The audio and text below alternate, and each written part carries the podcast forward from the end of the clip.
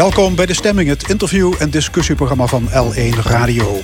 Wat kunt u de komende twee uur allemaal verwachten? CDA Limburg onthoofd door de zoveelste integriteitsaffaire. Zometeen de gouverneur en daarna de fractievoorzitters van PVV en D66. En burgers in België hebben de staat voor de rechter gedaagd vanwege nalatig klimaatbeleid. Veel Limburgers hebben op een radicaal rechtse partij gestemd. Waarom blijft dat gedachtegoed onverminderd populair bij de kiezers? Daarover gaan we het hebben in het tweede uur. En dan ook een column van Nina Bokke. En het panel discussieert over de kabinetsformatie, stalbranden en andere actuele zaken. Tot één uur is dit De Stemming.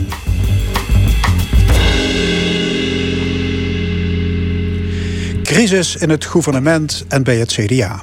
Door het gerommel van IKL-directeur Herman Vrijen met subsidiegeld zijn vrijdag twee gedeputeerden opgestapt. Ger Koopmans en Hubert Makkes, beiden van het CDA. Ze vinden dat ze in deze kwestie hebben gefaald. Commissaris van de Koning Theo Bovens gaf de dag na publicatie in de NRC de opdracht tot een integriteitsonderzoek. Hoort hij zo langzamerhand niet mismoedig van alle affaires? Aan tafel gouverneur Bovens. Goedemorgen. Goedemorgen. Ja. Hoe heeft u de afgelopen week beleefd? Uh, het was een uh, zware week, een teleurstellende week ook. En met uh, soms ook schokkende uh, gebeurtenissen, dingen die aan het licht kwamen. En ook, ook een emotionele week, omdat je afscheid moet nemen van twee collega's. Het, is, het gaat je niet in de koude kleren zitten. Ik, heb, ik slaap eigenlijk altijd goed, maar deze week heb ik ook wel een aantal keren lang wakker gelegen. Ja. ja. Als commissaris van de Koning, als gouverneur, heeft hij vaak aangegeven: ja, ik ga me sterk maken voor de bewaking van de integriteit. Ja, dat, is ook mijn speerpunt. Dat is dat is ook ja. een opdracht natuurlijk. Hè? Ja. Voelt u dit als een persoonlijke nederlaag wat nu gebeurd is? Het voelt in ieder geval al iets van, uh, om over na te denken: doen we dan genoeg en doen we het goede? Uh, en dat is ook een onderdeel, zal dat zijn van het onderzoek wat ik laat, uh, laat doen. Kijk, wij, hebben, wij komen van een integriteitsdebat van een jaar of tien geleden al. En daar hebben we gezegd van we gaan codes doen en we gaan kijken wat mag en wat niet mag enzovoort. En mijn stijl was van ik wil de moraliteit in dat debat krijgen. Ik wil niet meer hebben van mag je een geschenk aannemen of geen geschenk aannemen? Mag dat 50 euro kosten of niet? Maar is het verstandig en is het goed dat je dat doet? Dus kijk zelf de spiegel en ga naar morele oordeelsvorm en ga kijken of iets uh, verantwoord is dat je dat doet of niet doet. En wat nu aan het licht komt, in ieder geval wat in de suggestie die in de krant is, want het wordt natuurlijk allemaal onderzocht, maar stel dat dat waar is, uh, dan gaat het misschien allemaal, allemaal conform de regels enzovoort, maar dan gaat het niet goed op dat, dat terrein van de moraliteit. En dan is zeker de vraag: wat is dan de rol van de provincie binnen uh, datgene wat uh, aan het licht gekomen is? Hebben wij ergens gefaald? Hebben wij iets niet gezien? Hebben wij zelfs eraan meegewerkt? En in welke cultuur gebeurt dat? Hoe kan het zijn dat mensen in Limburg denken dat als je maar iemand kent in de Staten of in het college of ambtenaar, dat je dan bevoordeeld kunt worden ten opzichte van anderen? Is dat zo? En dat moeten we uiteraard bekijken. Maar hoe komt die indruk er? En kunnen iets aan die indruk doen? Ja, toen. Um de commotie deze week ontstond. Hè, toen de, de, de, publicatie in NRC, dat bereikte het gouvernement. Uh, bent u toen samen met Ger Koopmans en Hubert Makkes... bent u in de zaak gedoken? Hebben jullie samen gekeken, wat is er gebeurd? En ja, is opstappen de enige mogelijkheid?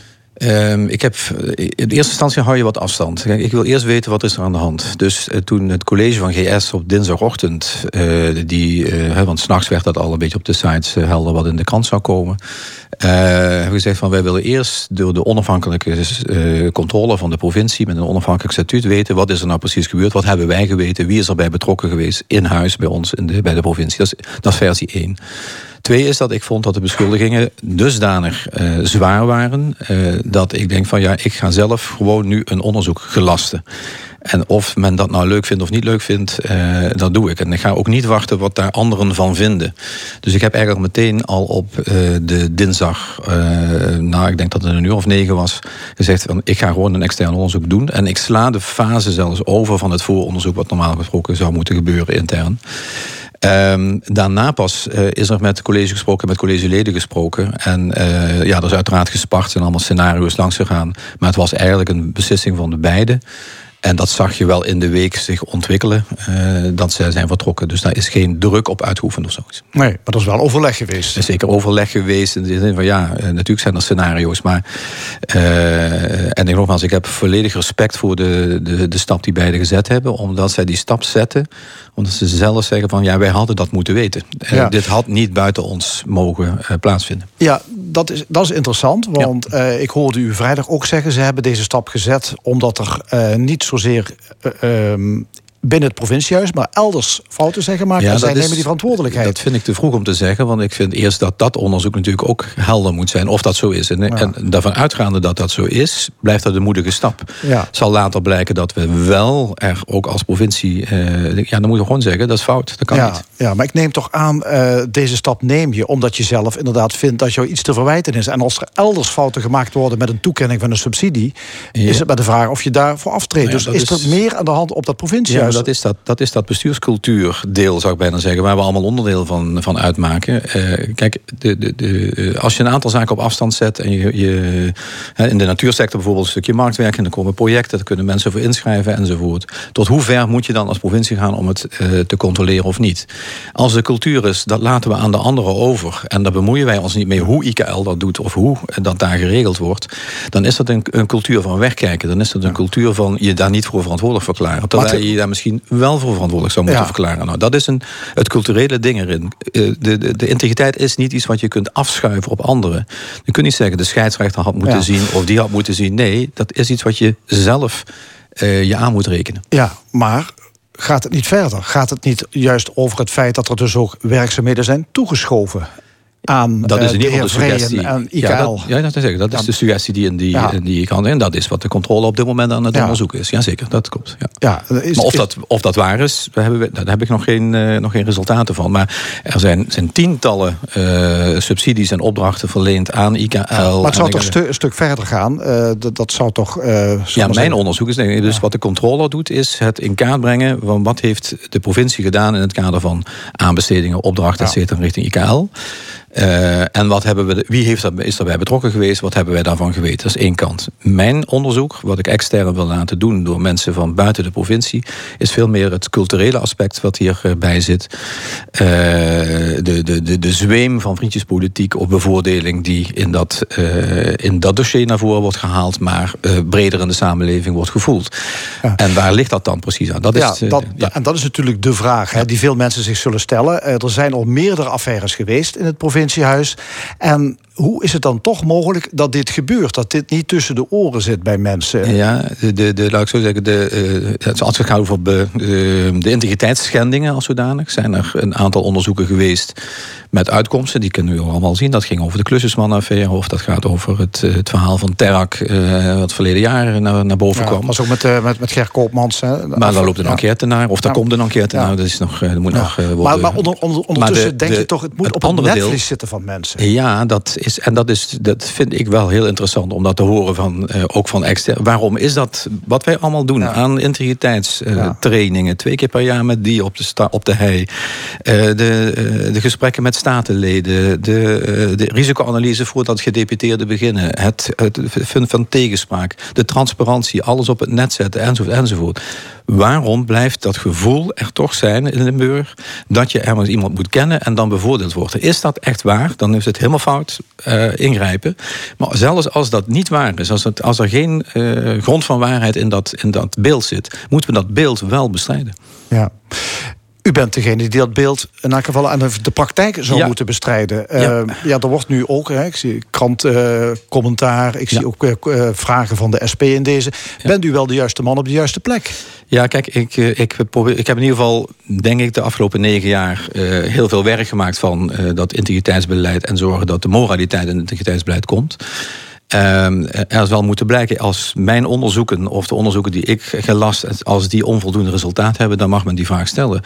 Laat men mij ook maar gewoon beoordelen op de daden en de resultaten van deze onderzoeken en wat we daar wel mee doen.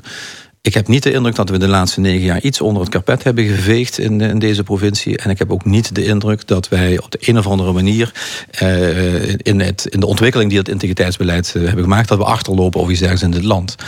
En zelf ben ik neutraal voorzitter van Provinciale Staten. En ik probeer Provinciale Staten ook op al die punten in positie te houden en te brengen dat zij ook de juiste beslissingen en de juiste zaken kunnen doen.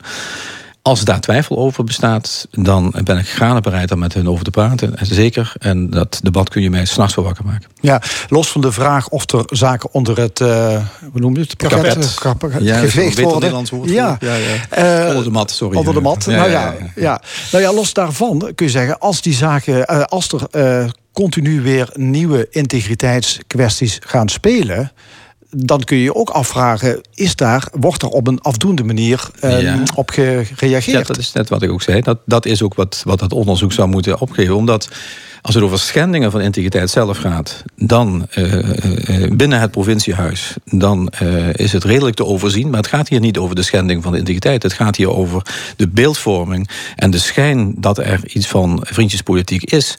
En daar strijd ik tegen. En daar moet ook dat, dat, dat cultuuronderzoek, of bestuurscultuurachtig onderzoek, zeggen van wat is dat dan in de, rond die apenrots van dat gouvernement? Ja, maar zou je kunnen zeggen, dus die, strijd, dus, dus die strijd.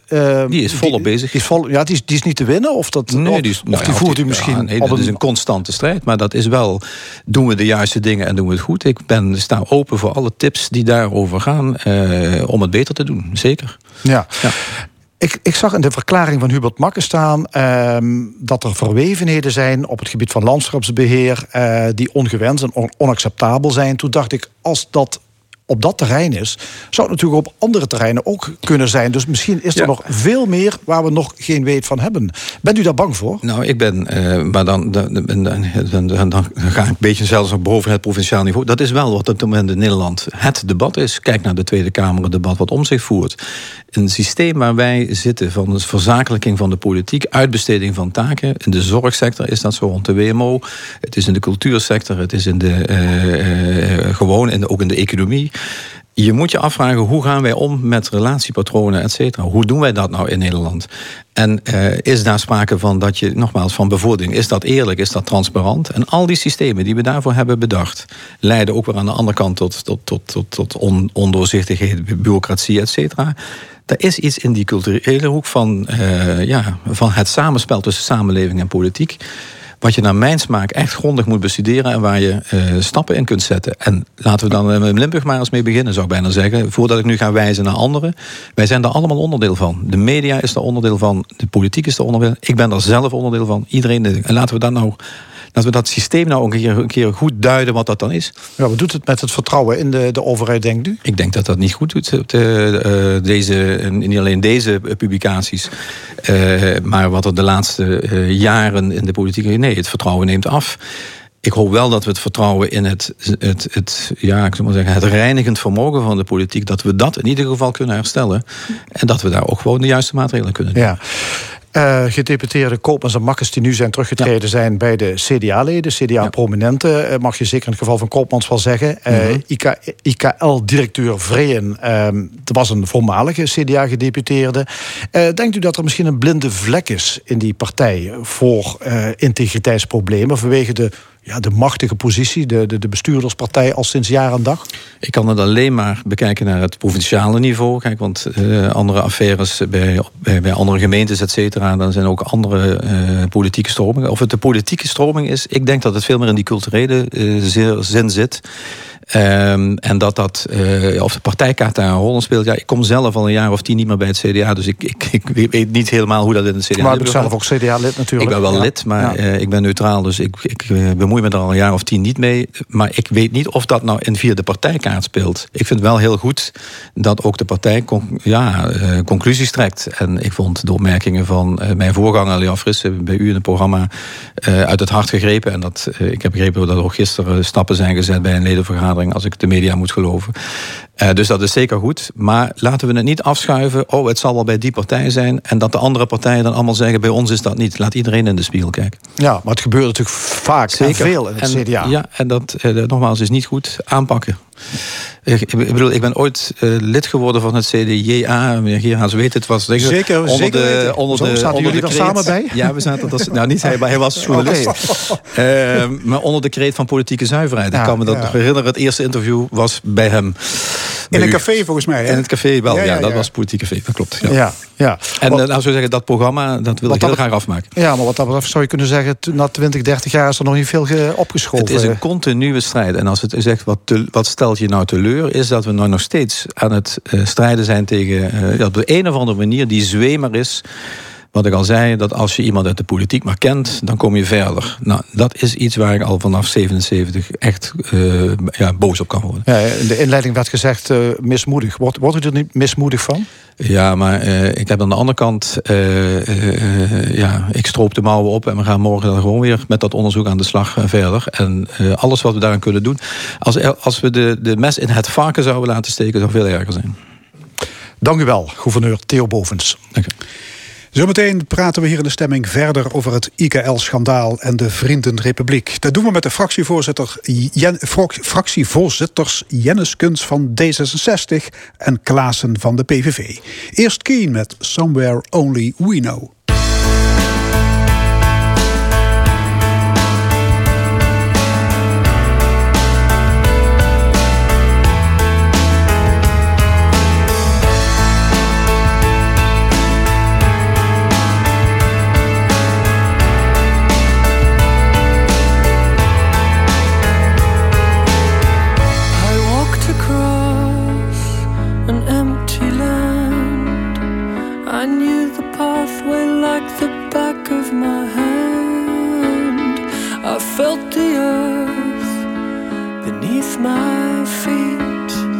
Somewhere Only We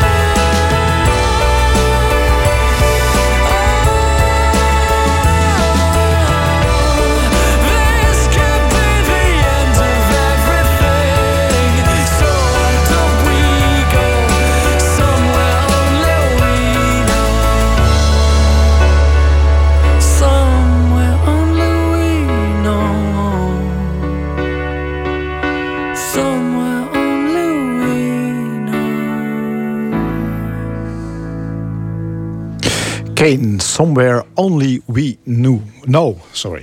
Oud-CDA-gedeputeerde Herman Vreyen wordt beschuldigd van gesjoemel met subsidies. Als directeur van de stichting IKL, Instandhouding Kleine Landschapselementen, zou hij tonnen subsidie naar zijn eigen BV's hebben gesluist. Het is de zoveelste Limburgse integriteitsaffaire in korte tijd. Inmiddels zijn de gedeputeerden Koopmans en Makkes opgestapt. De provinciale politiek is verbijsterd. Aan tafel de fractievoorzitters Marlou Jenneskens van D66 en René Klaassen van de PVV. Welkom allebei. Uh, Marlou Jenneskens, was u verrast over het opstappen van beide gedeputeerden? Um, ja, toch wel, denk ik. Ik vind uh, D66 en ik waardeer het heel erg dat ze hun verantwoordelijkheid hadden, hebben genomen. Uh, wij hadden al eerder vragen ingediend en we hadden, denk ik, wat meer verwacht dat die vragen beantwoord werden. Dat we daar een debat over zouden voeren en dat ze al dan niet daaraan eventuele conclusies zouden verbinden. Maar zij zijn zelf tot de conclusie gekomen dat ze dat debat niet afwachten. Maar, ja. uh, René Klaassen, u verrast? Heel eerlijk gezegd uh, niet. Um, als, we gaan, uh, als we teruggaan in kort in de tijd, wat de aanleiding was voor de enquête die, uh, die zal gaan starten. Um, toen een paar keer met, met Koopmans over gehad. Dat je wel zag van ja, dit, dit komt al heel hard aan. toen ik zag wat um, in het NRC stond rondom IKL. dacht ik van ja, dat, dat, dat, daar zitten dus toch zaken in waarvan je denkt van ja, als daar allemaal één ding van waar is, ja, dan, dan is gewoon het einde zoek. Um, dus u zegt Koopmans hadden een parlementaire enquête aan zijn broek... en twee onderzoeken is te veel van het goede. Dat, dat, dat, is te veel. Ja. ja. Uh, maar goed, ze hadden toch ook kunnen wachten op de uitslag van, van dat onderzoek? Ja, dat, dat is wat uh, mevrouw, mevrouw ja. Jenske zegt. Dat, dat had gekund. Um, uh, ik, ik ga er ook overigens van uit, en dat, dat hebben ze ook in hun brief ook gezegd... dat ze een verantwoordelijkheid daarvoor blijven nemen. Dat ze beschikbaar zijn voor, voor alle onderzoeken die er zijn. dus het is niet in het perspectief van onze fractie niet een vlucht naar voren. Zo van ja, dan hoeven die verantwoordelijkheid niet af te leggen. Maar het, uh, het maakte het voor uh, de, de twee heren, denk ik wel. Uh, ja, zo lastig om te blijven zitten nu dat ze die keuze hebben gemaakt. Ja. En ik heb ook gezegd eerder van het is begrijpelijk, maar het was wel noodzakelijk. Ja, klopt het dat de PVV nog contact heeft gehad over deze affaire met Geert Wilders? Nee, ja, ik zag het in het NRC voorbij komen. Ja, hij zou toestemming hebben gegeven om het CDA in Limburg niet langer te dekken. Nou nee, dat, is, dat kan ik echt uh, ontkrachten. Want als er één ding is uh, waar, uh, en dat is het mooie van hoe wij het hebben georganiseerd binnen de PVV, is dat elke fractie autonoom is in zijn handelen en niet van tevoren of achteraf rekenschap dus u weet zeker dat er niemand van uw partij contact heeft gehad met de grote baas? Van mijn fractie? weet ik zeker dat niemand contact heeft gehad met Geert. Mevrouw Jenneskens, wat dacht u toen u dat artikel las in de NRC? Ja, het was uh, elf uur s'avonds of zo. En ik las en ik dacht, oh, hier gaan we weer. En uh, dat was denk ik ook het... het uh, het is als je politiek vertegenwoordiger bent in Limburg, dan krijg je heel vaak een appje naar aanleiding van zo'n. Och, wat hebben jullie nou weer? En dat stoort iedereen, ongeacht welke partij. Want dat straalt op ons allemaal af. God, wat hebben ze nu weer? Dus uh, in eerste instantie, ik schrok. Ik was oprecht, wij schreven in uh, verbijsterd van wat er allemaal stond. Hoe heftig het was, hoeveel het was. En toen dacht ik, nu is het ook tijd om daar uh, op de inhoud wel de vragen over te stellen. En hier moet echt de onderste steen voor boven komen. Ja, meneer Klaas, ik weet niet of u een abonnement heeft... maar kwam ook het, het stoom uit uw oren? Nou ja, het stoom niet echt, maar ik um, was wel uh, verbijsterd over uh, uh, enkele onderwerpen die erin stonden. En ja, ik moet zeggen, heel eerlijk zeggen, ik ben twee jaar actief in de provinciale politiek. En een heleboel dossiers zijn ook nog onbekend, maar die worden door dit soort dingen natuurlijk wel wat bekender. Eén ding triggerde mij wel, waardoor ik dacht van verhip, hoe zit dat? En dan moeten we inderdaad de ondersteen boven halen. En er zijn er meer van. Maar één ding triggerde, dat was dat er, er subsidie wordt gegeven aan een entiteit die niet bestaat nog. En dan denk ik van ja, hoe kan dat? Ja, uh, dat gaat om de BV Bos Werkt. Ja. En die firma kreeg in 2014 van toenmalige deputeerde Van der Broek opdracht om een stuk bos te onderhouden. Maar die BV werd pas anderhalve maand later opgericht. Ja, dat is dat mooi, vindt hè? u hoogst merkwaardig. Ja, dat vind ik wel. Maar wat kan ook niet. In de subsidieverordeningen moet je een entiteit zijn. Uh, moet je bestaan om subsidie aan te vragen. Als je niet bestaat, kun je dus geen subsidie aanvragen. Dus we hebben, dat zijn wat parallele werelden geweest... waarin volgens mij al eens vullen kennen. Is gezegd van nou, dat komt groot, dat komt groot, doch maar. Maar En- de vra- ja, ja, mevrouw Jenniskens? Ja, de vraag is dan nog niet eens, is het rechtmatig? Kan het juridisch? Maar ook, wat vinden we daarvan? En Precies. als we dit soort subsidies geven... kunnen andere organisaties die eenzelfde doelstelling hebben... kunnen die dat dan ook? En dat zijn denk ik ook vragen die opgehelderd moeten worden hierin. Om heel scherp te maken, wat is hier gebeurd? Wat kon er dan niet? Wat vinden we hiervan? En in hoeverre heeft dit een bepaalde partij bevoordeeld? En er komt bij dat Boswerk BV in 2015 wordt genoemd in het CDA-verkiezingsprogramma. Er staat letterlijk Boswerk BV is noodzakelijk bij het behoud van natuur schoon. Ja, want Ook- dan ga ook je, foute boel? Nee, want dan ga je googlen en, eh, en dan ga je eens kijken wat staat, wat staat er in die verkiezingsprogramma's. Dan staat er. Dat zouden wij nooit doen, maar het, het gebeurt. En dan komen we terug wat, eh, wat de gouverneur net zei: van wat is die moraliteit? Als je in je verkiezingsprogramma schrijft: IKL is belangrijk. En allemaal andere kleine groepjes zijn belangrijk. Ja, dan, dat is niet handig. Je dan ben, ga hoog over en zeg natuurlandschappen zijn belangrijk, maar laat IKL weg. En dat is volgens mij weet je, de kokervisie of, de, of de, de, de blinde ehm, eh, spot geworden in het denken van hoe bestuur je Limburg. En dat kan, ja, dat is de valkuil geworden van het CDA. Ja, en de, be- Maar de ja. belangrijkste aantijging is trouwens dat het IKL krijgt 3 miljoen subsidie per jaar hè, van provincie, gemeentes en van de postcode loterij. En dat via allerlei mistige constructies tonnen worden doorgesluist naar de BV's van directeur Ja, maar- En dat is voor mij ook de essentie. Want we hebben het heel vaak over IKL. En ik las deze week een ingezonde brief van Huub. En die is vrijwilliger bij het IKL. IKL is een mooie organisatie die goede dingen doet. Wat hier aan de hand is, is dat er een bestuurder is geweest. En daar gaat nu het onderzoek over. Die waarschijnlijk, of dat is in ieder geval eh, hetgeen we lezen in de krant. Die geld in zijn eigen zak heeft gest- gestoken. En dat gaat ten koste van die vrijwilligers. Ten koste Precies. van die organisatie.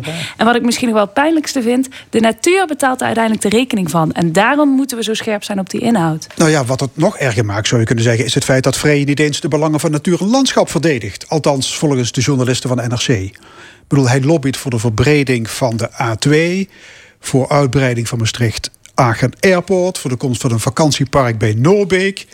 Nou ja, bedoel, dat ben je niet echt een natuurbeschermer. En een landgraaf, eh, volgens mij ligt er ook de link eh, dat daar geregeld is dat bij het eh, Zonneweidepark eh, daar ook het landschapsplan en het onderhoud wordt, wordt geregeld op die manier. En ik denk van ja, dan moeten we toch eens in gaan duiken hoe, hoe zich dat nu allemaal tot elkaar ver- Ja, is, verhoudt. is het IKL nog het. IKL van vroeger? Dat weet ik niet, maar volgens mij heeft IKL wel een hele mooie missie. Waarvan ik hoop dat ze meer kunnen oppakken na dit schandaal. Dat ze zich kunnen herbezinnen op de instandhouding van die landschapselementen. En het daadwerkelijk groener maken en, en groen houden van Limburg. En daar zou het om moeten gaan. Ja. Niet alleen Vreyen is een opspraak, ook andere CDA-kopstukken. Is dit elkaar de bal toespelen? Ehm, Marlo Jenneskens van D66. Dat is volgens mij niet. De, de- ik vind dat een lastige om te beoordelen. Dat is de schijn die wordt gewekt. En volgens mij moet je hier eerst even zorgvuldig het onderzoek over gaan doen. Ehm, wat ik wel ingewikkeld vind en waarom deze, eh, deze casus aanleiding is tot, tot veel meer debat dan alleen geïsoleerd op deze casus, is dat hij niet op zichzelf staat. En of het zo is, of dat de indruk wordt gewekt, het is wel sinds ik statenlid ben de vierde keer dat we over Ja, dit maar dan soort kun je dat casus woord schijn toch gewoon schrappen? Eh, dat zijn uw woorden en niet de mijne. Nee, volgens mij is het juist zaak dat je hierin heel zuiver handelt. De feiten op tafel haalt en dan zegt... wat vinden jullie van toelaatbaar en wat niet? En wat heeft dan iedereen, ook Provinciale Staten, GS... noem iedereen maar op. Wat hebben we dan gedaan om dat te voorkomen? En daar Nou, gaat het ik- om. ik wil- René Klaassen, PVV. Ja, ik wil er wel op reageren. Want, want ehm, ik, we hebben ons eh, bij, bij, eh, de vorige kwestie ehm, toch heel duidelijk uitgesproken van maar eh, definieer nu eens die schijn. Dat was ook bij eh, de ZRK-rapport. De schijn, maar wat is, is de schijn? En nu dit weer gebeurt, je blijft erover nadenken. En ik denk nu in, in deze situatie ehm, eh, heb je eigenlijk twee zaken. Je hebt het privaatrechtelijke verhaal van Vreyen en zijn BV's. Ja, daar, in principe kun je zeggen, ja, daar gaat de provincie niet over. Je hebt het bestuursrechtelijke deel. Van hebben we de dingen gedaan zoals we met elkaar hebben afgesproken. Ik, ik durf en mijn vingers eh, er niet aan te branden. Maar de, grote kans dat de uitkomst is van... ja, in principe hebben we, dat, hebben, we dat, hebben we dat netjes gedaan. Maar dan komt de vraag... hebben we die regels met elkaar dan wel juist afgesproken? En eh, moet inderdaad, en de gouverneur gaf het ook aan... niet een stapje verder gaan en denken van... maar ja, nu gaat het weer naar, naar, naar een bedrijf van Vreyen... Moeten we dat wel? Je moeten we kunt zeggen, wel strafrechtelijk is er misschien nog niet eens zoveel aan de hand. Maar het gaat om moraliteit. En dus blijft die moraliteit eh, over. En eh, ja, met alle respect, ehm, ik denk, ehm, ja, ik, laat zo zeggen, uh, het hangt niet de PVV aan de broek dat wij in allerlei bestuursplekjes zitten waarin we de dingen aan ons toegeschoven krijgen. Tegenstelling ik denk dat het eh, de, de, harde werkelijkheid is, is dat dat bij ons eh, niet gebeurt en dat we daarvoor waken. Maar het, het wordt ons ook niet gevraagd. Dit, dit, is al de zoveelste integriteitsaffaire in korte tijd. Hè. Ik noem het inhuren van oud-politici voor betaalde klussen. De zogenoemde ruimte voor ruimteregeling. Raymond Knops die zou zijn bevoordeeld bij een grondtransactie. Ger Koopmans zou een baggerbedrijf waar hij commissaris van is hebben gematst. Nu dit weer. Ja, is de Vriendenrepubliek nog altijd intact? Volgens mij wat je hier ziet is dat wij uh, we geven geld uit uh, van Limburgers om voor Limburg het juiste te doen. En we zien bij Ruimte voor Ruimte dat we heel veel geld hebben uitgegeven en niet het resultaat hebben gehaald. We zien bij IKL dat er heel veel geld is uitgegeven en dat dat niet ten goede van de natuur is gekomen. Dat is volgens mij de essentie. Dan kun je het hebben over de Vriendenrepubliek en moraliteit en wat dan ook. De, de, de opdracht aan ons allemaal is: hoe gaan we dat nou straks met z'n allen wel beter doen? En dat kan je koppelen aan een partij, dat kan je koppelen aan een cultuur dat kan je aan allerlei zaken koppelen. Maar het belangrijkste is en blijft toch dat wij goed omgaan. En dat vertrouwen vooral ook van die Limburger gaan herwinnen. En dat we die cultuur... Nee, dat snap ik. Maar de vraag is, is de Vriendenrepubliek nog intact? Um, ja, uh, het heeft er nu de schijn van, maar laten we, even de, laten we nu de. U gebruikt het woord schijn wel heel vaak. Ja. uh, als, als, als, u aan mij zou vragen, is hij nog intact? Zou ik zeggen uh, ja, maar tanende. Want er zijn twee gedeputeerden van CDA zijn opgestapt. En ik, ik lees ook terug, en, dat, en ja, daar is men ook trots op dat het CDA ook een opleidingsmachine is voor toekomstige bestuurders. Ik zou dan zeggen. de gouverneur vroeg er al aandacht voor. Hè? Je moet in dat opleidingstraject ja, nee, ja, al hameren op integriteit. Ja, maar de vraag is of je als politieke organisatie moet opleiden voor zo en masse voor bestuurders. Want, nou ja, want, want, hier, want, hier daar, want daar, zit, daar zit volgens mij ook de pijn. Want dan komen die lui natuurlijk allemaal op die plekken terecht. En ja, als je dan iets gaat aanbesteden, ja, of er moet een goedkeuring overkomen, een grote kans dat het een, een CDA is. Ja, ja, ja dat, CDA-voorzitter, dat zou je echt moeten CDA Limburg-voorzitter Harald Schreuder die zegt dat komt omdat zoveel CDA's in het openbaar bestuur zitten. Ja, maar dat vraagt dus, heeft het dus een grote verantwoordelijkheid uh, voor die bestuurders om goed na te denken over maar hoe gaan wij hier dan mee om. En ik zou ook eraan toe willen voegen, moeten we dit dan nog wel willen? Maar de vraag is maar goed, ik zou het CDA niet te veel tips willen geven uh, daarin, maar ik zou zeggen, neem ze wel te harte. CDA. Jenniskens, D66. Ja, we hadden het over, in de verklaring van Koopman staat, wellicht is het tijd voor nieuw leiderschap. Nieuw leiderschap is niet politici die elkaar de godganse dag de tent uitvechten of zwart maken. Daar heb ik echt heel veel moeite mee hierin.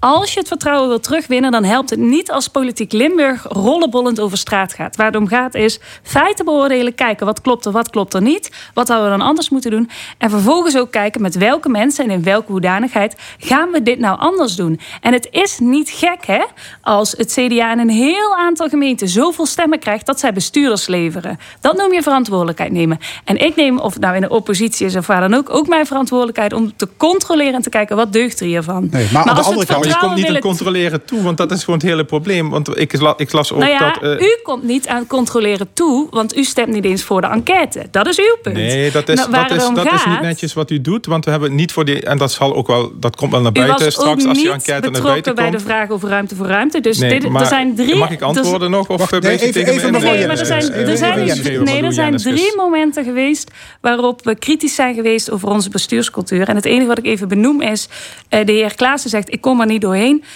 We komen er wel doorheen door kritisch te zijn op elkaar, maar niet door één partij de Zwarte Piet toe te Waarom heeft u nooit eerder. Uh... Nou, dat is wel waar. We hebben zelfs uh, een voorstel uh, gedaan toen. we waren niet voor de enquête, omdat de aanwijzingen toen. Ehm, ja, er waren ook niet heel erg helder. Ten eerste is integriteitsvraagstukken ook niet heel makkelijk op te lossen met de enquête. Je zult dat straks ook zien als het statenvoorstel komt.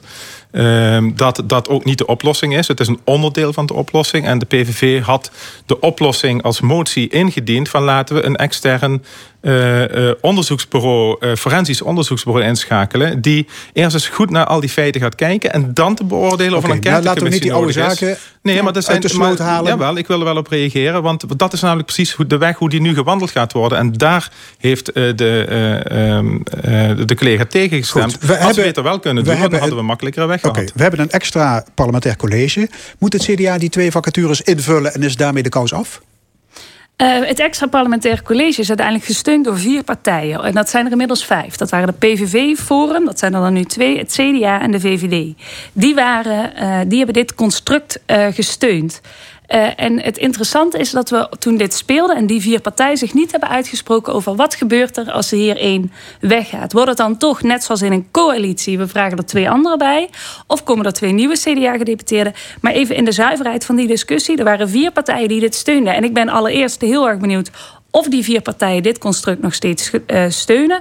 Wat ons betreft verdient Limburg echt een stabiel, integer en daadkrachtig bestuur. En twijfelen wij er erg over of dat in dit okay, geval dus in orde is. construct kan ook van de baan en helemaal opnieuw beginnen. Wat ons betreft ja. ligt Klaas, alles PVV? Open. Al, nou, ik, ik, eh, ik, alles, alles staat uh, open. En um, uh, de PVV was inderdaad een voorstander uh, van het extra parlementair college. Het heeft ons ook heel veel gebracht.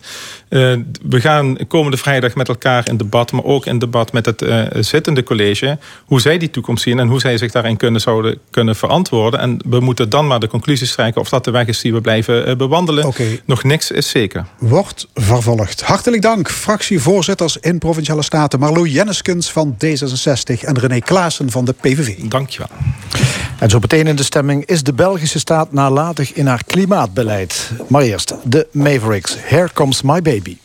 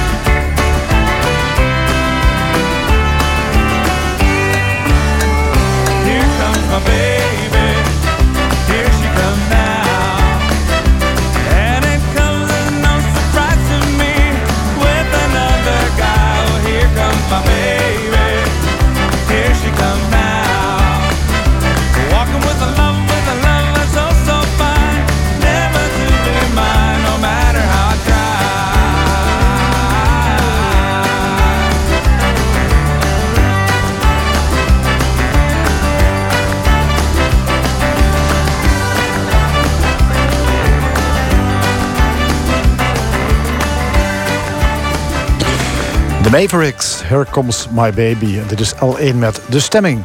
Dik een jaar geleden werd historie geschreven. Toen won Urgenda definitief de rechtszaak die ze had aangespannen tegen de Nederlandse staat. De overheid werd gedwongen om meer te doen tegen de uitstoot van broeikasgassen. Deze week stonden de vier klimaatministers van België in de beklaagde bank. Zij worden beschuldigd van het niet nakomen van het klimaatbeleid en van schending van mensenrechten.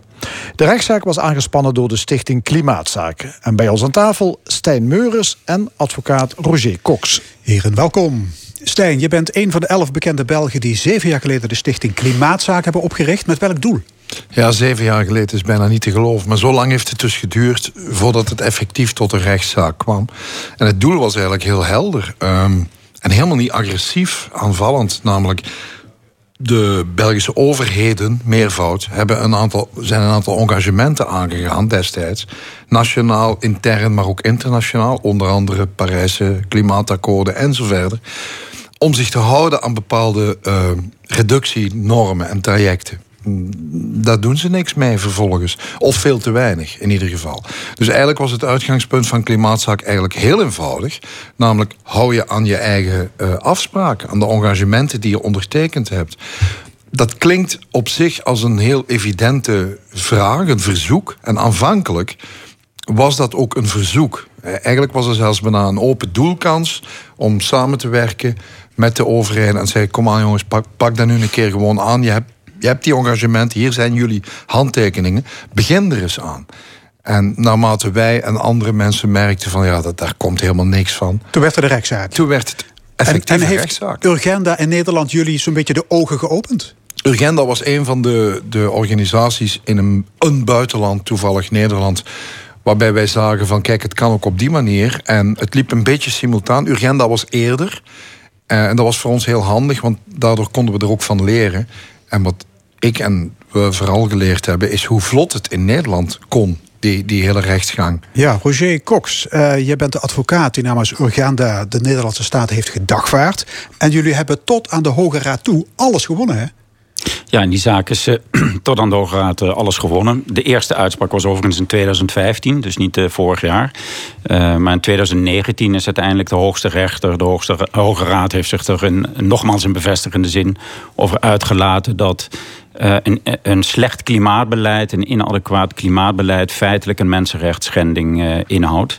Uh, dat is een zware kwalificatie. En om die reden hebben alle rechters de Nederlandse staat ook veroordeeld om meer te doen aan klimaatbeleid. En op zijn minst een 25% reductie in van CO2 in 2020 uh, te bewerkstelligen. Ja, Stijn, jullie hoefden niet lang te zoeken naar de beste klimaatadvocaat. Ja, in ieder geval ik, uh, zowel advocaat als pleitbezorger, als uh, inspirator, ja. katalysator, noem maar op. Is hij een beetje, te, beta is hij een beetje te betalen? Absoluut. En die woonde dan nog eens om de hoek, bij wijze van spreken.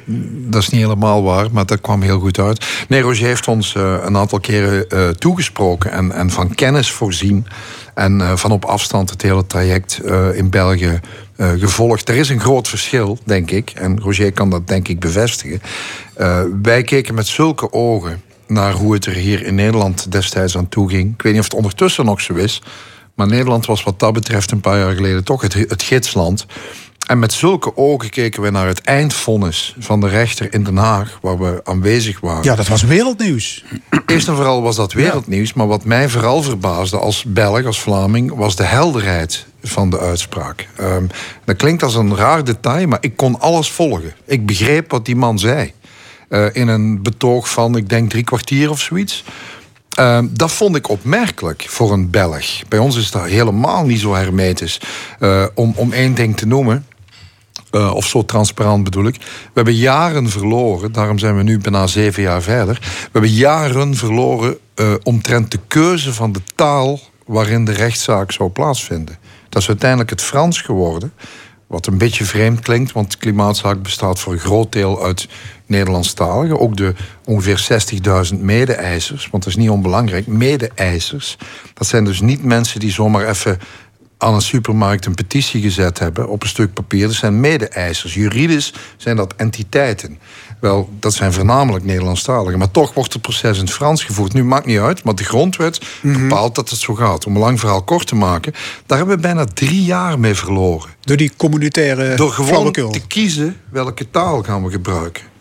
Stijn, nu heeft, uh, België heeft het klimaatakkoord van Parijs ondertekend. Maar de beloften worden niet nagekomen. Dat is de inzet van, uh, van jullie proces? Wel, het punt is, daar gaat eigenlijk voor een groot deel dit proces. Men beweert natuurlijk dat dat wel zo is. Dat, dat, dat weliswaar traag en, en, en met een beetje koud water vrees. Maar dat de beloften at the end of the day wel zullen worden nagekomen. Ja, jullie Wij eisen dat de voelen allemaal- CO2-uitstoot met 42% wordt Ja. verminderd. Ja, het is heel.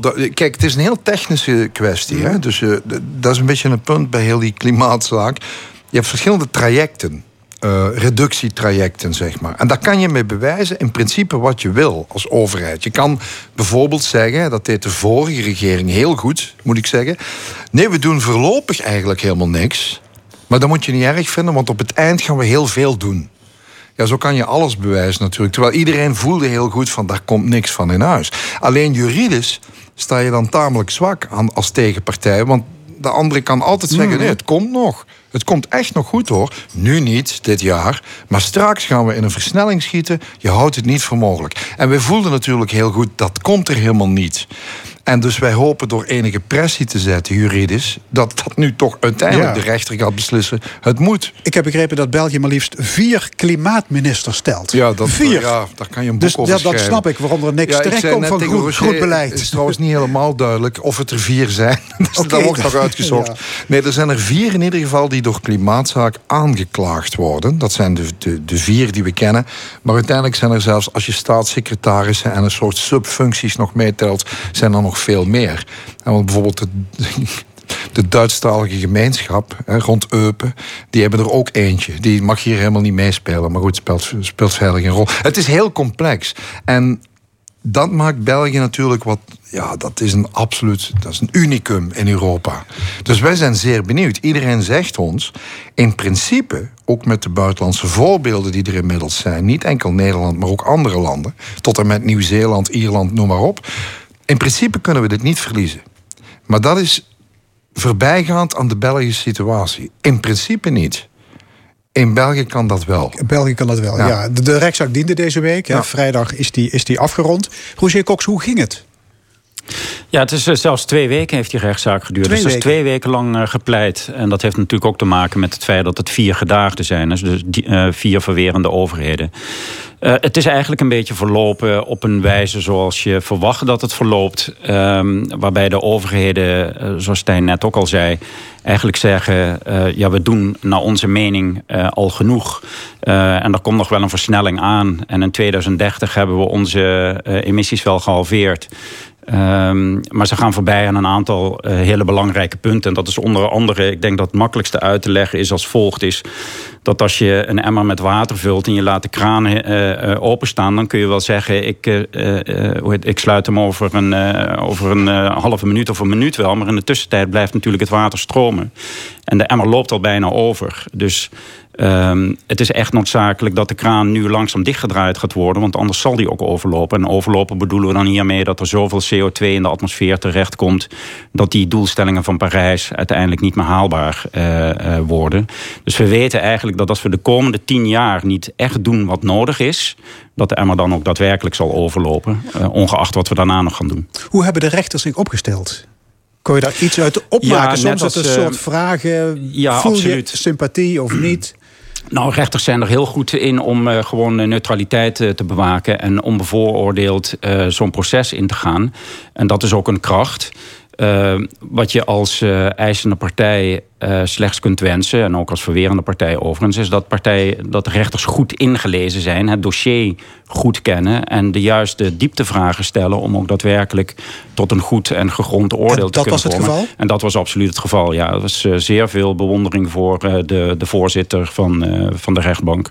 En zo heb ik dat tot nu toe, zowel in de agendazaak als ook in de zaak tegen, tegen Shell, heb ik eh, steeds gemerkt dat rechters echt goed in die dossiers zitten. Ja, want je bent ook de advocaat van Milieudefensie die Shell heeft aangeklaagd. Ja, correct. Ja.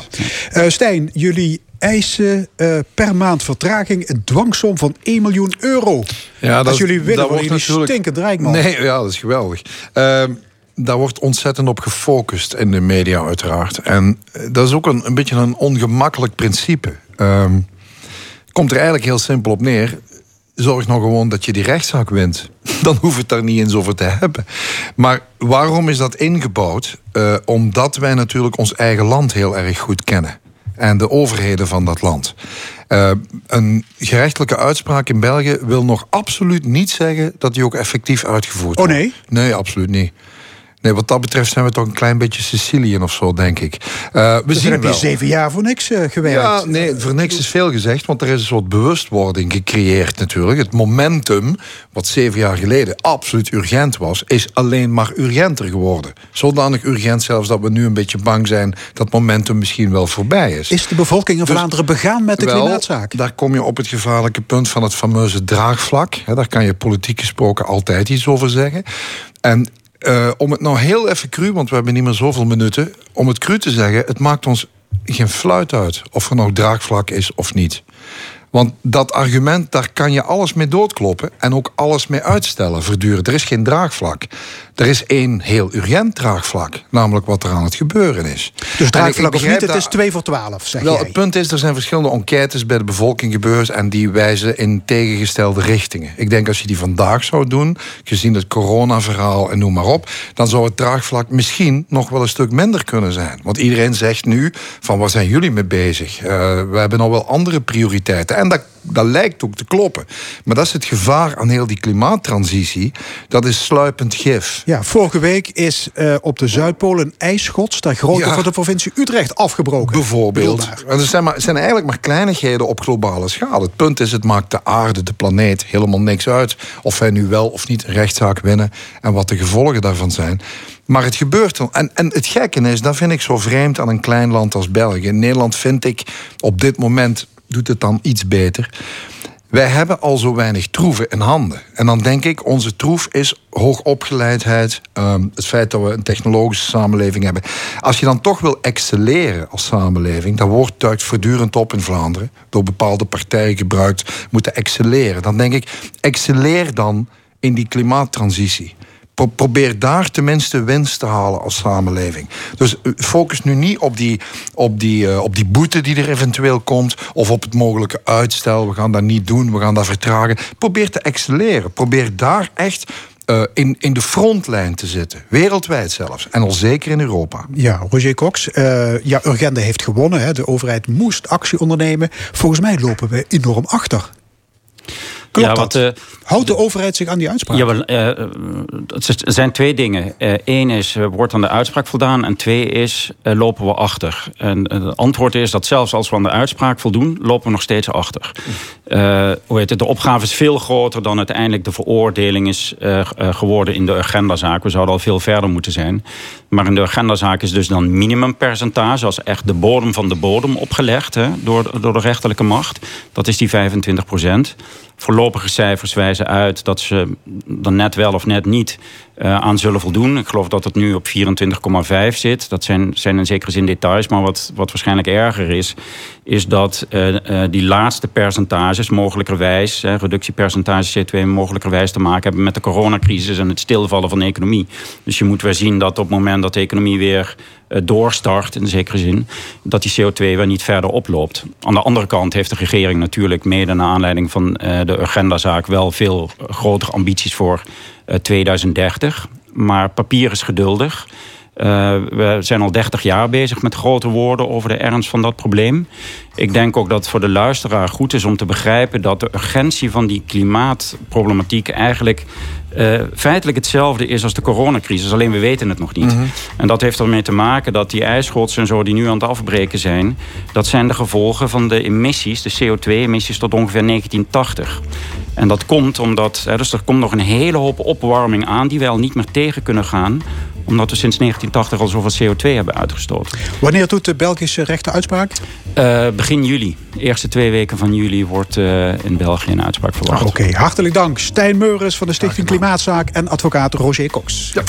En na 12 uur in de stemming een discussie over de vraag... waarom is radicaal rechts zo populair onder de Limburgse kiezers. Na 12 uur hier in de stemming.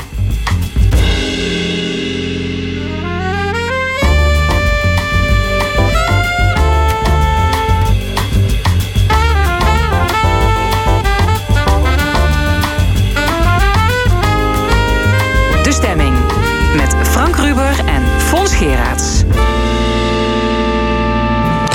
Opnieuw welkom bij De Stemming. En wat allemaal nog in de tweede en laatste uur. Straks discussieert het panel met Mark Hermans, Cor Bosman en Luc Hustings over een fotorel op het Binnenhof, over gesjoemel met provinciale subsidies en andere actuele zaken. Dat is een column van Nina Bokke, maar eerst Rechts, radicaal. Nee, radicaal rechts, beter gezegd. Heeft met de laatste verkiezingen wederom goed gescoord in Limburg. Vooral in Parkstad werd winst behaald. Koploper is Kerkrade. Daar stemde 37,2% op PVV, Forum voor Democratie of Ja21. Waarom stemmen mensen in sociaal zwakkere buurten op radicaal rechtse partijen? Wat hebben die de kiezers te bieden? We gaan erover praten met Els Stans, actief in de PvdA, geestelijk verzorger Huub Vossen en middenstander en oud-PVV-corrivé Cor Bosman.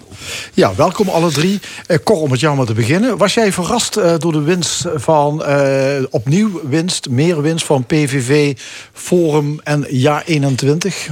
Nee, niet, uh, niet echt. Bedoel, als je, als je kijkt hoe dat de politiek zich door de jaren heen ontwikkelt. Uh, en daarmee ook uh, evenredig het ongenoegen van de mensen toeneemt. Dan, dan kun je gewoon stellen dat, dat partijen die als radicaal rechts worden aangeduid. en waar radicaal staat voor grondige veranderingen. dat is wat de mensen nodig hebben. En ik denk dat dat ook een van de belangrijkste motivaties is. voor mensen die zich onvoldoende gekend voelen. onvoldoende gehoord voelen, dat die juist op dit soort partijen stemmen. Ja. Um, Huub Vossen, u bent eh, geestelijk verzorger bij welzijnsinstelling Meander. Die is actief in uh, Parkstad en in de westelijke mijnstreek. Uh, ja, dat zijn uh, gemeenten waar veel aanhang is voor de PVV. Hè. Veel gemeenten waar ook de PVV bijvoorbeeld de grootste geworden is. Vertellen mensen over de zorgen waar Cor het over heeft... en misschien ook in relatie tot hun politieke stellingname? Ja. Uh, niet 1, 2, 3, maar ik vraag er wel heel vaak naar. Omdat ik gewoon van, uh, een politiek dier ben, zeg ik altijd. Uh, en dan hoor je heel snel dat mensen eigenlijk totaal geen vertrouwen meer hebben in de politiek dus wat Cor net al aangeeft, het vertrouwen is weg. Het vertrouwen is echt weg in de politiek. dat hoor je bij mensen zeggen. Oh afgelopen eh, weken had ik een gesprek bijvoorbeeld met een meneer. 90 jaar binnen onze instelling. Ik vroeg zo van, en gaat u ook eh, stemmen? Nee, zei hij, ik heb al jaren niet meer gestemd. Ik heb al jaren niet meer gestemd. Maar als u nu zou stemmen, ja, dan weet je toch wel. Dan weet je toch wel. En dan hoor je in feite dat het toch een PVV, een forum... PVV is dan iets wat heel snel in het, eh, in het gedachtegoed van mensen zit... en eh, naar voren komt. Dan ga je het gesprek met de mensen aan. Waarom zou u daarop stemmen? En dan hoor je heel duidelijk het vertrouwen... wat zo'n meneer in al die jaren eigenlijk gemist heeft in de politiek. He, doordat hij daar op een bepaald moment in zo'n, in zo'n zorginstelling terecht is gekomen. En het gevoel heeft van, er kijkt totaal niemand naar, meer naar me om ik ben in feite gewoon een nummer. nu, zeker in die coronatijd, eh, waarin mensen, de eerste golf, eh, mensen opgesloten, letterlijk opgesloten zaten in onze zorginstellingen, eh, het gevoel hadden van, wat, wie kijkt naar mij om? nu in zo'n tweede, derde golf, precies hetzelfde eigenlijk. Eén bewoner, bezoeker mag komen bij een bewoner. Dat betekent dat mensen het gevoel hebben van, wie, wie doe ik er nog toe? Ja. Ja, Els Tans, uh, u bent uh, jarenlang actief geweest voor de Partij van de Arbeid en Kerkrade. Ook in de gemeenteraad uh, gezeten, ook in provinciale staten, of eens mm voor de Partij van de Arbeid. Dit waren denk ik vaak kiezers die vroeger PvdA stemden. Nu halen PVV en Forum in Kerkrade 35% van de mhm. stemmen. Mm Wat denkt u dan als u dat... Ja, het is natuurlijk heel erg moeilijk te duiden. Ik, ik, ik maak me ik zeg niet zo heel erg. Nee, maar wat denkt u als u het ziet? 35 ik, ik vond het verschrikkelijk. Ik vind het echt verschrikkelijk. Dat is het e-, enige wat ik op dat moment voelde toen ik de uitslagen las. En dat niet alleen in Kerkrade, maar in heel Parkstad. Dan, dan schrik je dan denk je, wat is er toch aan de hand? En dat is iets wat niet zo gemakkelijk te duiden is. En zeker nu in deze tijd, in de coronatijd, verkiezingen, heeft bijvoorbeeld uh, Forum voor Democratie heeft, uh, gevoed, heeft de mensen ook uit, uit angst op hun hun stem gegeven aan die partij. Dat, dat speelt allemaal een rol. Maar om nou precies te zeggen, en daar ben ik het met jullie wel eens, uh, dat mensen het geloof in de politiek voor een groot deel kwijt zijn, daar kan ik me wel wat bij voorstellen. Er is te, weinig aandacht voor. Uh, voor mensen die het moeilijk hebben. En in Parkstad wonen toch nog genoeg mensen die het moeilijk hebben, die meer aandacht verdienen dan ze, uh, dan ze nodig hebben. En wij hebben als Partij van de Arbeid niet echt verloren. We zijn altijd stabiel gebleven. Behalve 20 jaar geleden waren we de grootste. En met de Europese verkiezingen ook. Maar er zit een groot Ja, maar als je de, probleem. lang- de lange termijn kijkt, heeft de Ja, Partij tuurlijk. Ja, we zijn een landelijke verloren. partij. We, hebben, Ja. we zijn natuurlijk geen eh, PVV, eh, ge- geen eh, plaatselijke partij. We zijn een landelijke partij. Dus we waaien met de Maar de- winden mee. Maar Partij van de Arbeid weet blijkbaar niet ehm, de mensen te raken met thema's die bij mensen spelen. Dus hoor Ja, hier. je ziet, Elsie zegt net van, ja, je kunt het niet duiden. Ik, ik denk dat het wel te duiden is. Ehm, de oude politieke zuilen zoals ze in de jaren 60 bestonden, die bestaan niet meer. We, de politiek evolueert, eh, die gaat door en je ziet daar ook veranderingen, gelijk met de maatschappelijke trend. De jaren 70, 80, 90 kwamen er nieuwe ideeën. eh, eh, er kwamen, daardoor kreeg je ook meer dat, dat alle partijen een eenheidsworst werden, waardoor je een zwevende kiezer ging krijgen. Waarbij vervolgens weer de partijen heel handig vanuit het marketingprincipe op insprongen om juist die stem van die zwevende kiezer, die zich eh, vanuit het verleden bij zijn oude partij niet meer thuis voelde, onvoldoende gekend Ja. heeft gevoeld, vervolgens ging zweven. En we zitten nu in een fase dat we identiteitspolitiek hebben. En de kiezer wil nu alleen maar zijn stem geven aan een partij die zijn of haar Ja. ongenoegen bevestigt, waar die het gevoel Maar krijgt goed. dat hij gehoord wordt. Maar goed, meneer Bosman, het is natuurlijk wel zo. U zegt, ze willen ergens bij horen waar hun identiteit wel gewaarborgd wordt. Ja, dan vind ik het eh, toch jammer. En voor, mensen hebben dat niet in de gaten. Als je kijkt naar een partij als Forum voor Democratie, eh, hoe zij denken over, over mensen in zijn algemeenheid. Dan denk ik niet dat mensen daar zo bewust van zijn dat ze op die partij hebben gezegd die, die, eh, die in- negatief over vrouwen spreken. Nee, het is een angstcultuur. Het is een angstcultuur die mensen hebben en daardoor het vertrouwen in de politiek kwijt zijn. Dat is zo. En wat vooral mij opvalt de afgelopen jaren. Kijk, wij zijn een, een partij waar solidariteit met, met toch mensen die er, die er niet zo best eh, met alle eh, bevolkingsgroepen willen wij het allerbeste. Maar wat mij wel opvalt, dat we de afgelopen jaren, en dan praat ik over al die jaren waar u het ook over hebt, het individualisme bij mensen, solidair zijn met anderen. Mensen kijken eigenlijk, als ze naar de stembus gaan, de afgelopen jaren alleen maar, wat is voor mij persoonlijk belangrijk? Ja, Huub, Maar, dat is eh, fijn. ik ja, sta de hele tijd te trappelen eigenlijk.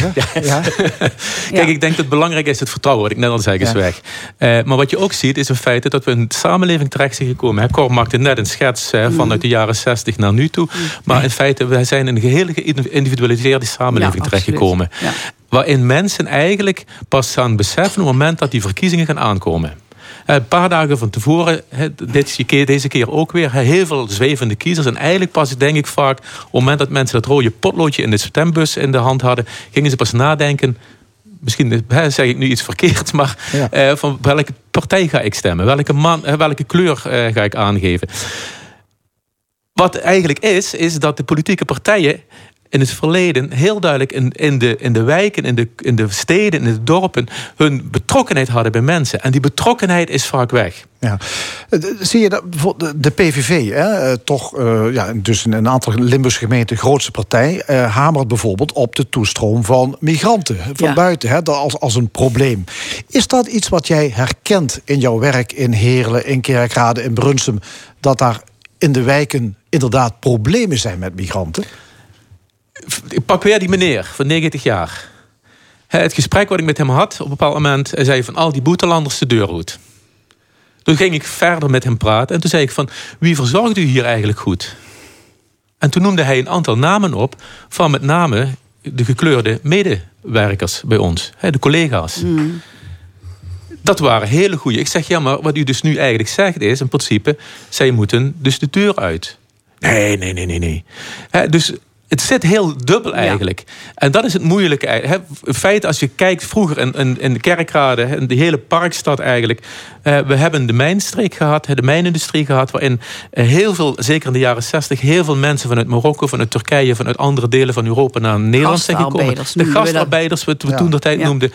Het waren de koempels die in feite beneden in die mijn samenwerkten, voor elkaar vertrouwden, samen de rug poekelden Mm. hè, op het moment dat ze naar boven kwamen. En er was vertrouwen onderling. Ja, maar er wordt, dat de, rug, de, rug wordt, de rug wordt niet meer gepoekeld samen, dus Ja. er is geen vertrouwen. Er is geen kent elkaar Ja, niet en, meer. dat, en dat is ook Maar- volgens mij het pro- probleem wat er is, dat popu- populistische partijen als de PVV en nog veel erger vorm voor democratie hebben, het gevoelensfressen, eh, m- eh, groepen mensen zeggen wie het schuld is dat bijvoorbeeld eh, het niet zo goed gaat op een economisch terrein of op de gezondheidszorg. eh, dat zijn de alle buitenlanders schuld. En dat vind ik een heel kwalijke zaak, want er zijn heel veel mensen die hier heel hard werken.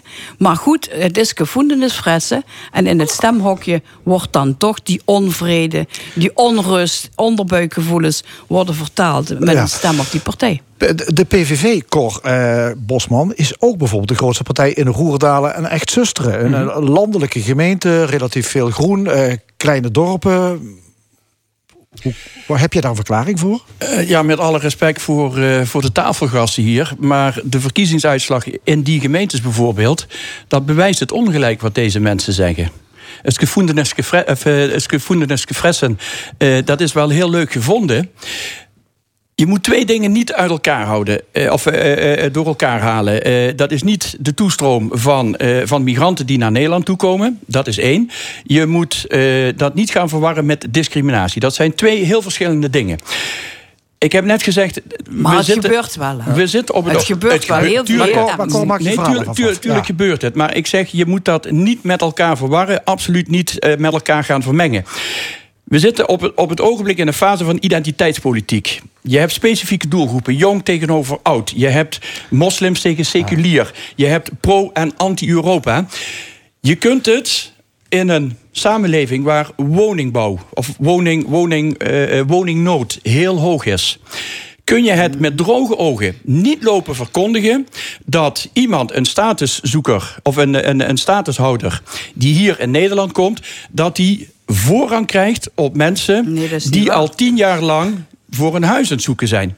En of het niet waar is, of wel waar is, daar ga ik niet. Het gaat over Jawel, het ge- nee, het, nee, over. het gaat over het gevoel wat bij de mensen leeft. Maar- en dan is de acceptatie de- het nul. gevoel is iets anders dan realiteit. En het Ja, gevoel maar- wordt permanent gevoed in feite Ja. door, door hè, de, de radicaal rechtse partijen, denk ik dan altijd. Waar het uiteindelijk om gaat, is in feite, we zitten in Nederland in een Europese samenleving. Mhm.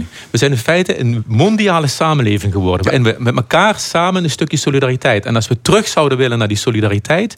Hè, waarin we in feite ook voor jong en oud. Want uiteindelijk kun je wel zeggen van de jongeren tegen de ouderen opzetten. De buitenlanders tegen de Nederlanders opzetten. Zo kun je de werkende tegen de niet-werkende. We kunnen alles tegen elkaar opzetten. Maar uiteindelijk als we willen in deze samenleving iets van me- met elkaar betekenen. En willen opbouwen aan een samenleving waarin het goed is. Wat voor iedereen goed is om samen te leven, betekent dat je samen een stukje solidariteit met elkaar Juist, moet en dragen. dat is heel mooi. Samen solidariteit. Ja. En dan wil ik heel, heel graag even met een hele dikke vinger wijzen naar het landelijke kopstukken.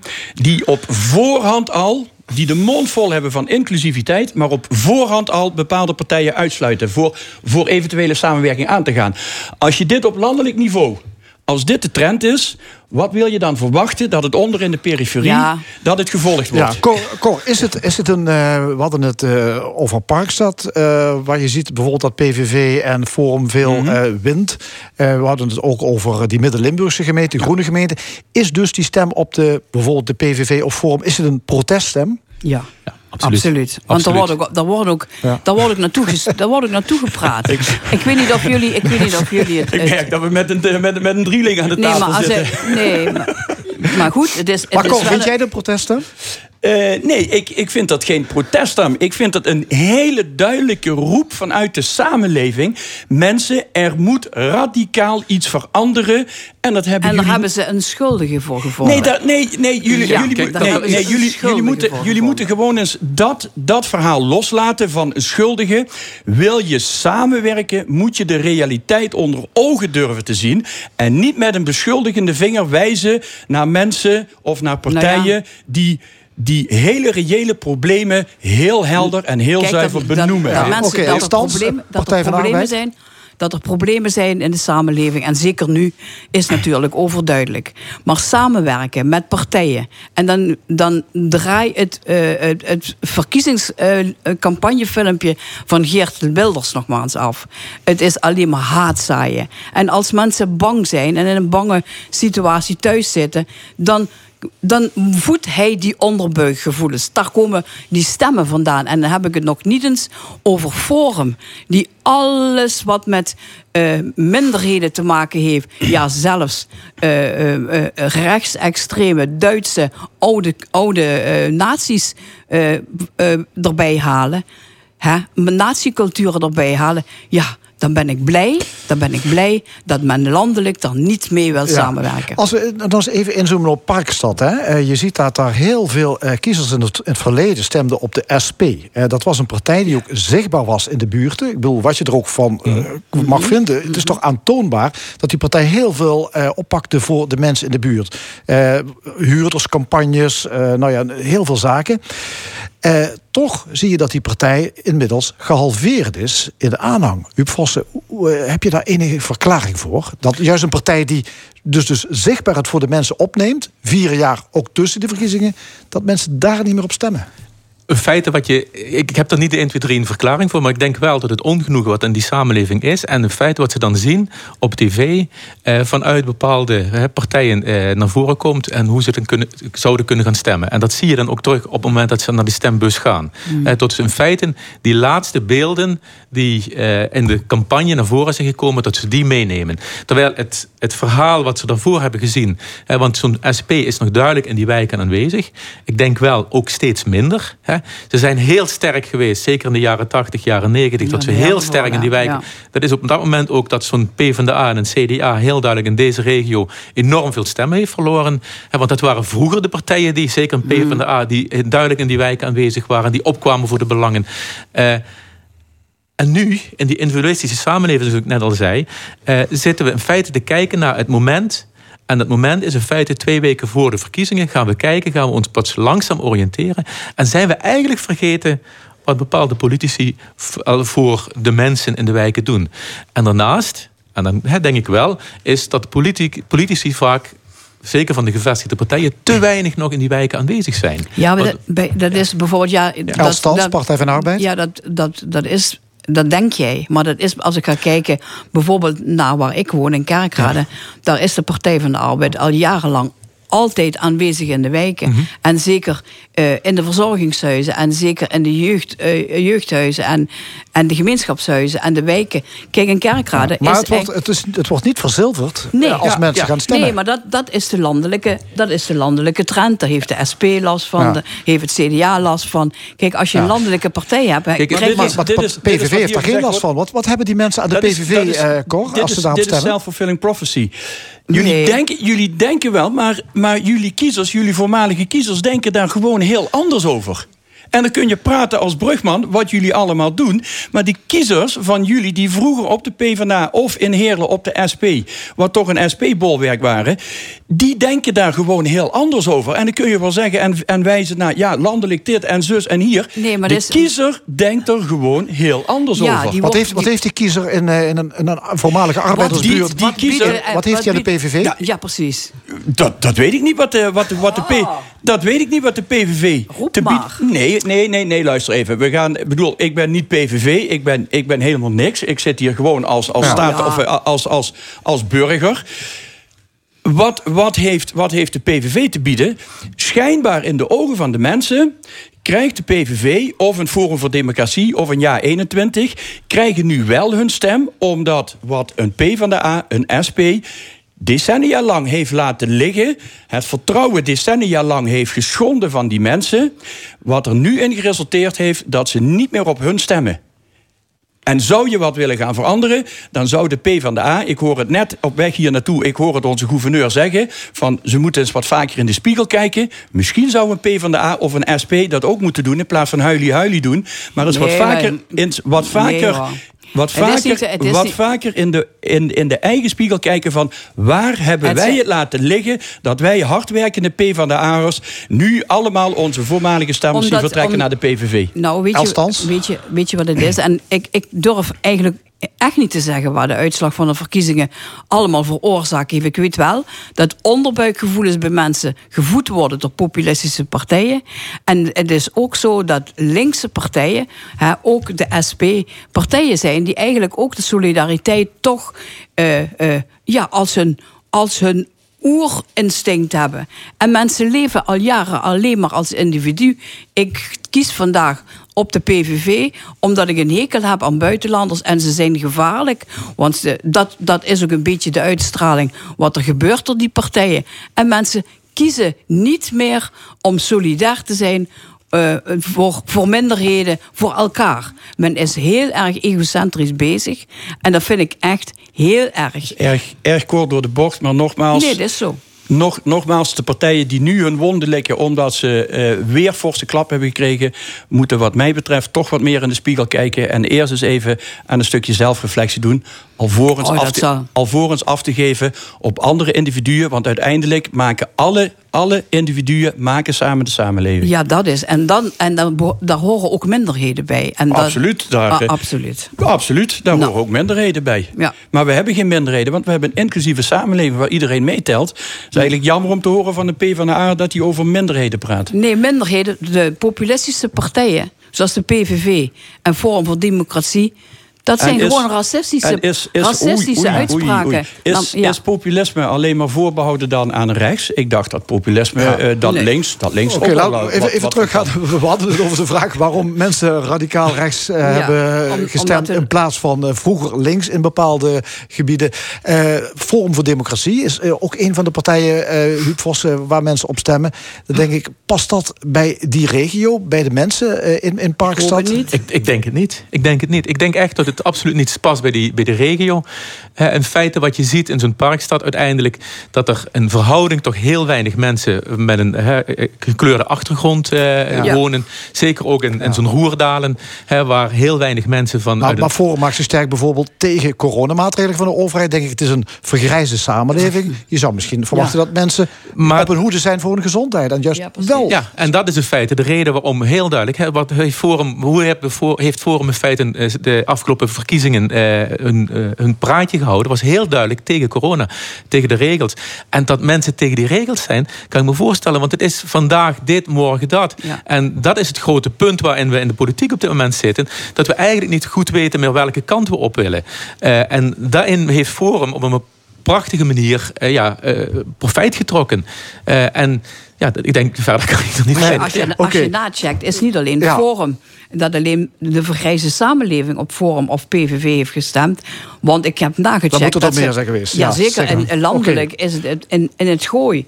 Ja. De grootste partij geworden, Ja. Forum. Oké. Dus wat dat betreft, eh Dank daar je- worden geen arme mensen. Dank jullie wel, dank jullie wel. Eh, El, El Stans, jarenlang actief in de Partij van de Arbeid en Kerkrade. Huub Vossen, geestelijk verzorger. En Cor Bosman, oud-statenlid voor de PVV. U luistert naar L1, meer speciaal naar de stemming. Zometeen het discussiepanel, maar eerst de column. De column. Vandaag met Nina Bokken. Shampoo en douchegel zonder zeep. Dat moest ik afgelopen week kopen van de dokter. Ik heb na- namelijk nogal last van een gevoelige huid de laatste tijd. Fijn, dacht ik. Iets kopen waar minder van iets in zit, dat zal vast goedkoper zijn. Niets bleek minder waar. Zonder parfum, parabenen of kleurstoffen las ik op het etiket. 7,50 euro voor een flacon. Dat wordt duur douchen. Het is toch raar dat hoe puurder en zuiverder iets is, hoe hoger de prijs wordt die je betaalt. Kijk naar Pieter Omtzigt. Is er eindelijk eens een politicus die zijn werk doet en zijn nek uitsteekt, wordt hij als labiel weggezet door zijn eigen partij. Nota bene de partij die de VVD aan het inhalen is als het gaat om integriteitsschandalen. Vooral in Limburg. Bestuurslieden hier hebben, zelfs wanneer ze voor de zoveelste keer zijn verwikkeld in een schandaal, het talent die situatie te gebruiken om zichzelf toch nog een compliment toe te schuiven. Zo zou Herman Vreen uit respect zijn lidmaatschap bij het CDA hebben neergelegd. Wat een moedige, eervolle man is het toch, moet men nu denken. Het NRC kopte.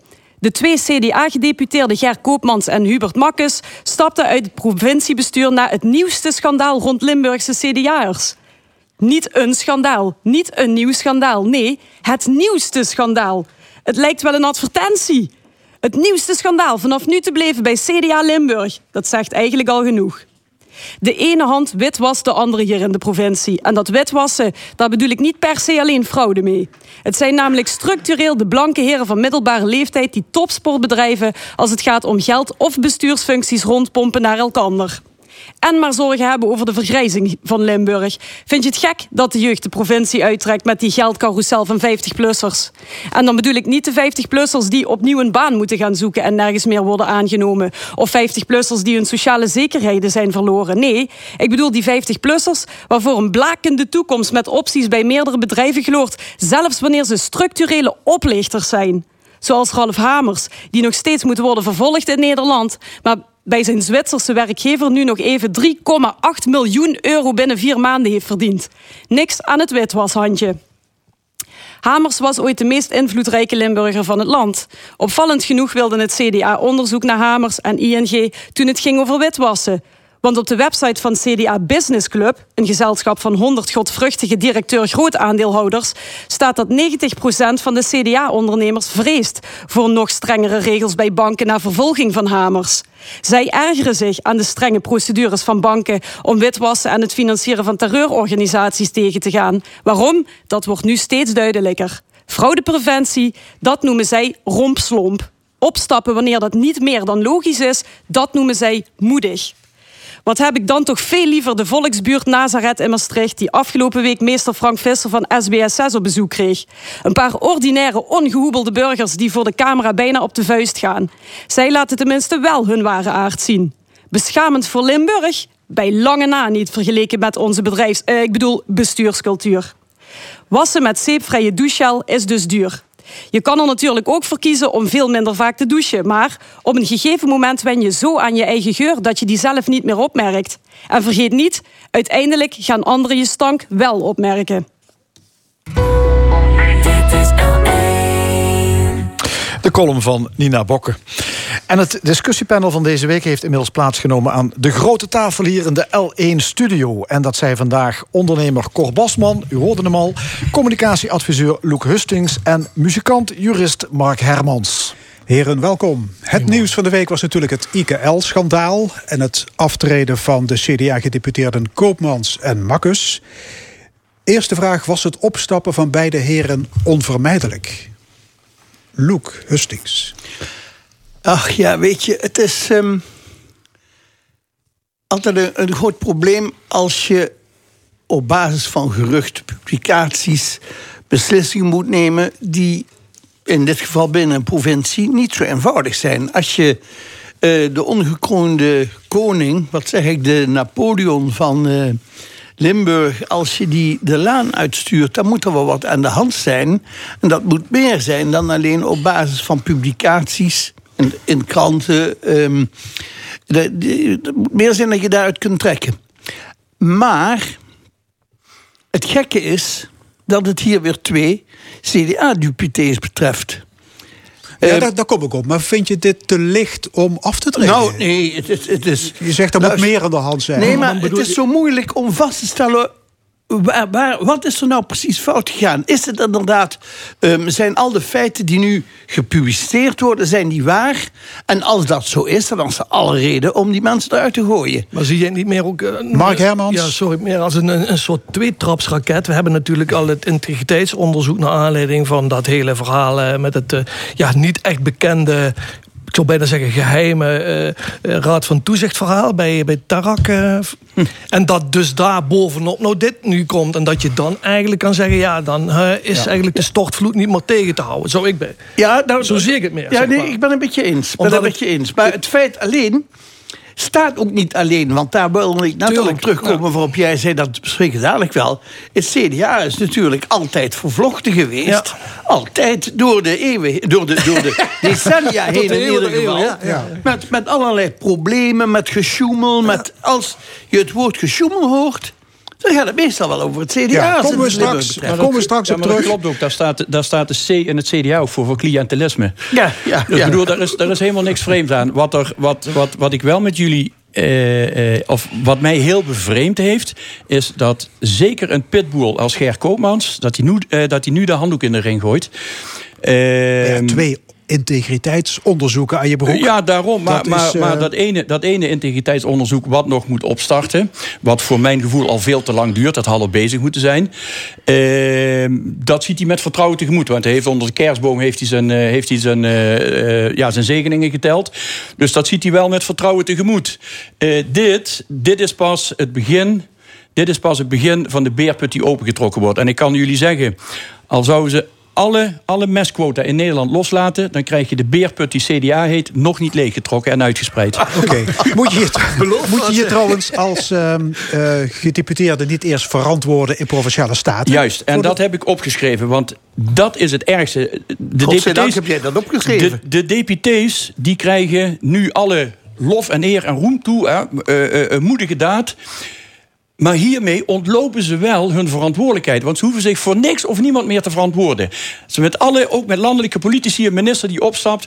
meneer of mevrouw hoeft zich niet meer te verantwoorden. En dan kunnen ze wel heel stoer zeggen van... nou, eh, eh, we gaan alle medewerking aan een integriteitsonderzoek doen... maar ik kan jullie nu al zeggen dat ze dan last hebben van selectieve geheugenverlies... eh, dat ze zich daar niet in herkennen, dat ze dat stukje even kwijt zijn. Dus... En, eh, maar dat zeg ik even hier. Oh nee, dit is radio, dus iedereen hoort dat. Eh, de brand afgelopen week op het provinciehuis... dat waren geen laswerkzaamheden... maar daar werden alle CDA-stukken die werden verbrand in de kelder. Alle sporen zijn eh, zorgvuldig uitgewist. Ja. Maar weet je, dus, het maakt dus niet uit of je dus de gedeputeerde bent... of je bent verkenner, je treedt gewoon af... en dan ben je er eigenlijk vanaf. Ik ben klaar. Alleen nu in het geval van de verkenners vind ik het, vind ik het strak dat, dat eindelijk een democratisch gekozen orgaan, de Tweede Kamer, Ja. dat die nu haar verantwoordelijkheid neemt en ook de mensen eh, of en dat ze hun controlerende taak willen gaan uit, eh, uitvoeren. Eh, dat zou hier in Limburg ook veel harder moeten gebeuren. En ik heb hier als statenlid heb ik daar destijds heb ik daar voor geijverd. Ik heb daar moties voor ingediend. Ik kreeg daar helaas geen meerderheid voor. Het is mij wat te gemakkelijk ja, om gewoon te zeggen van nou, ik stop nu klaar. Ja, maar dat heet wel politieke consequenties trekken uit iets, hè, natuurlijk. Hè. En, en, die, Ja. en, die, en die deur, die achterdeur, die staat eigenlijk natuurlijk Ja. altijd op een kier. Ja, maar als escape. Ja, maar ik heb dat is onbevredigend. Dat is eigenlijk maar- wat jij ja, zegt. dat, dat is heel onbevredigend. En, en, en ik, ik zet bijna dagelijks iets, eh, iets politieks, wel, wel genuanceerd, maar wel heel duidelijk. Ik ben benieuwd waar, wanneer en in welke hoedanigheid dat bij de heren weer boven komen drijven. Ja, CDA-burgemeesterschap is nog eh, vrij. En Ja, Landgraaf, Landgraaf, eh, die is, Ja. die is weer open. Ja, functie, Dus, eh, functie elders. Loek, je wil het graag hebben over de CDA's in Limburg. Hè, die, die toch een prominente rol spelen bij dit eh, subsidieschandaal. Vrije, Koopmans, Makkus, Akkermans, Van der Broek. Hoe is te verklaren dat het CDA ja, keer op keer betrokken is bij Schumel-affaires? Nou weet je, het is, je zegt het, hè, keer op keer daarbij betrokken is. Ehm cliëntelisme, zegt Cor, ehm, eh, staat voor de C van CDA. Ehm, als je nou naar België kijkt, dan is cliëntelisme daar de meest normale zaak. Als je daar zegt cliëntelisme, dan kijken ze je aan en zeggen... ja, dat klopt, dat, dat doen wij hier zo. Ja, dat, dat elke zo, benoeming dat, is hè. politieke benoeming, punt. Ehm, terwijl dat in Nederland een, een verafschuwd woord is. Nou zijn we misschien in het zuiden... hebben we wat meer de Belgische mentaliteit. En is ook de manier van doen... de manier van omgaan met elkaar... wat schappelijker. Het gaat, dingen worden wat makkelijker geregeld. Ehm, het gaat smoeslig. Men is zich be- volgens mij in veel gevallen niet bewust van het feit... dat er iets onzuiver zou zijn. Dat het niet goed is. Ja. Terwijl als je dat op een weegschaal gaat leggen, je tot een hele andere conclusie zou kunnen komen. En het is wat in de tijd Indales zei: een beetje integer bestaat niet. Een beetje zwanger bestaat ook niet. Je bent zwanger of je bent het niet. Je bent integer of je bent het niet. Maar die, die marge in Limburg is wat rekkelijker. Ja, maar de, de hamvraag is: moeten we, de, moeten we de schuld zoeken bij het CDA? Of moeten we de hele bestuurscultuur Nou weet je, er zit onderzoeken? natuurlijk, er zit Wat- natuurlijk al iets ingebakken zeg maar, op de manier waarop die partij zeg maar, door de eeuw heen, zou ik willen zeggen, met elkaar al omgaat. Ik bedoel, ik heb eh, naar aanleiding van dit hele, hele schandaal nog eens een keer eh, de Vriendenrepubliek van, eh, van Joep nog eens even uit de kast gehaald in 1996 en nog eens gelezen. Als je leest dus dat dat toen gewoon, hè, en dan praat over 20 jaar geleden, dus de bedrijfscultuur en, en de bestuurscultuur in Limburg zo was, dat er gewoon structureel 8 tot 10 miljoen aan steekpenningen werd. Eh, weggegeven elk jaar. En dat de bedrijven er niet verschroomden dat gewoon in hun boekhouding steekpenningen eh, neer te zetten. En dat voor de belasting af te trekken. Dan zijn we natuurlijk wel al een stukje verder, zeg maar, na 20 jaar. Maar er zit nog steeds zo'n hoog van. Wij kennen NFNUS en eh, ik bel je wel of van het café. Dus- zo, dat, dat regelen we wel allemaal.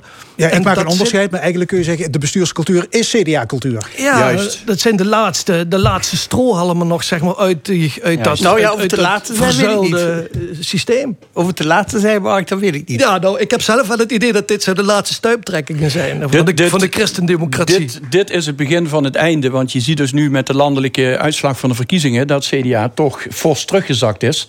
Eh, dat zelfs de VVD inmiddels het CDA voorbij is gestreefd. Ja, het CDA is Eh, nu de vierde partij. Vierde partij in Limburg. Dankzij omzicht. Ehm, ik wil jullie heel even meenemen. En, en, en ik, ik, ik praat hier niet over personen als persoon. Ik praat hier over personen als politicus in dit geval. Dus, dus, want, want, In hun functie. in hun functie als politicus.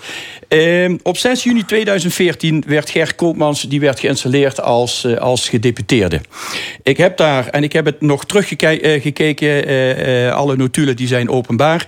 Ik heb het nog teruggekeken en ik heb daar eh, eh, heel met mij nog een aantal andere statenleden namens andere partijen heel indringende vragen gesteld. En die vragen gingen toen de tijd al over de integriteit van meneer Koopmans. En ik heb toen gerefereerd aan een radio-interview van meneer Koopmans van 7 februari 2013, Villa VPRO. En dat ging over het klasje van Koopmans. Waar Ger Koopmans kandidaat eh, Kamerleden eh, eh, opleidde, instrueerde, bla bla bla. Hetzelfde wat meneer Bovenstein ook zei, de CDA-klasjes. Het CDA opleiden. Quote van meneer Koopmans, 7 februari 2013. Als politicus moet je goed kunnen liegen en toneel spelen. Quote 2. Je mag ver gaan om je politieke doelen te halen. Nou, dat omschrijft gewoon alles zoals het CDA hier tientallen jaren lang heeft geregeerd. En ik heb ook de verklaring van meneer Koopmans gelezen. En wat mij daar heel erg in opvalt, zijn twee dingen. En ik begin met de eerste, met moraliteit. En dan wil ik ook nog even refereren, want op weg hier naartoe had ik de radio aanstaan. Ik heb ook goed naar meneer Bovens geluisterd. Ook naar de klasjes. Ja, moraliteit. Moraliteit is het geheel van handelingen en gedragingen die in maatschappelijke context als correct en wenselijk worden gezien. Moreel gedrag is nooit aangeboren, maar aangeleerd op basis van normen en waarden. En dan kom ik weer terug bij die CDA-klasjes. Als je daar aangeleerd krijgt dat cliëntelisme, dat er helemaal niks mis mee, het is er einde van ons, bel hem maar op, dan gaan we het regelen.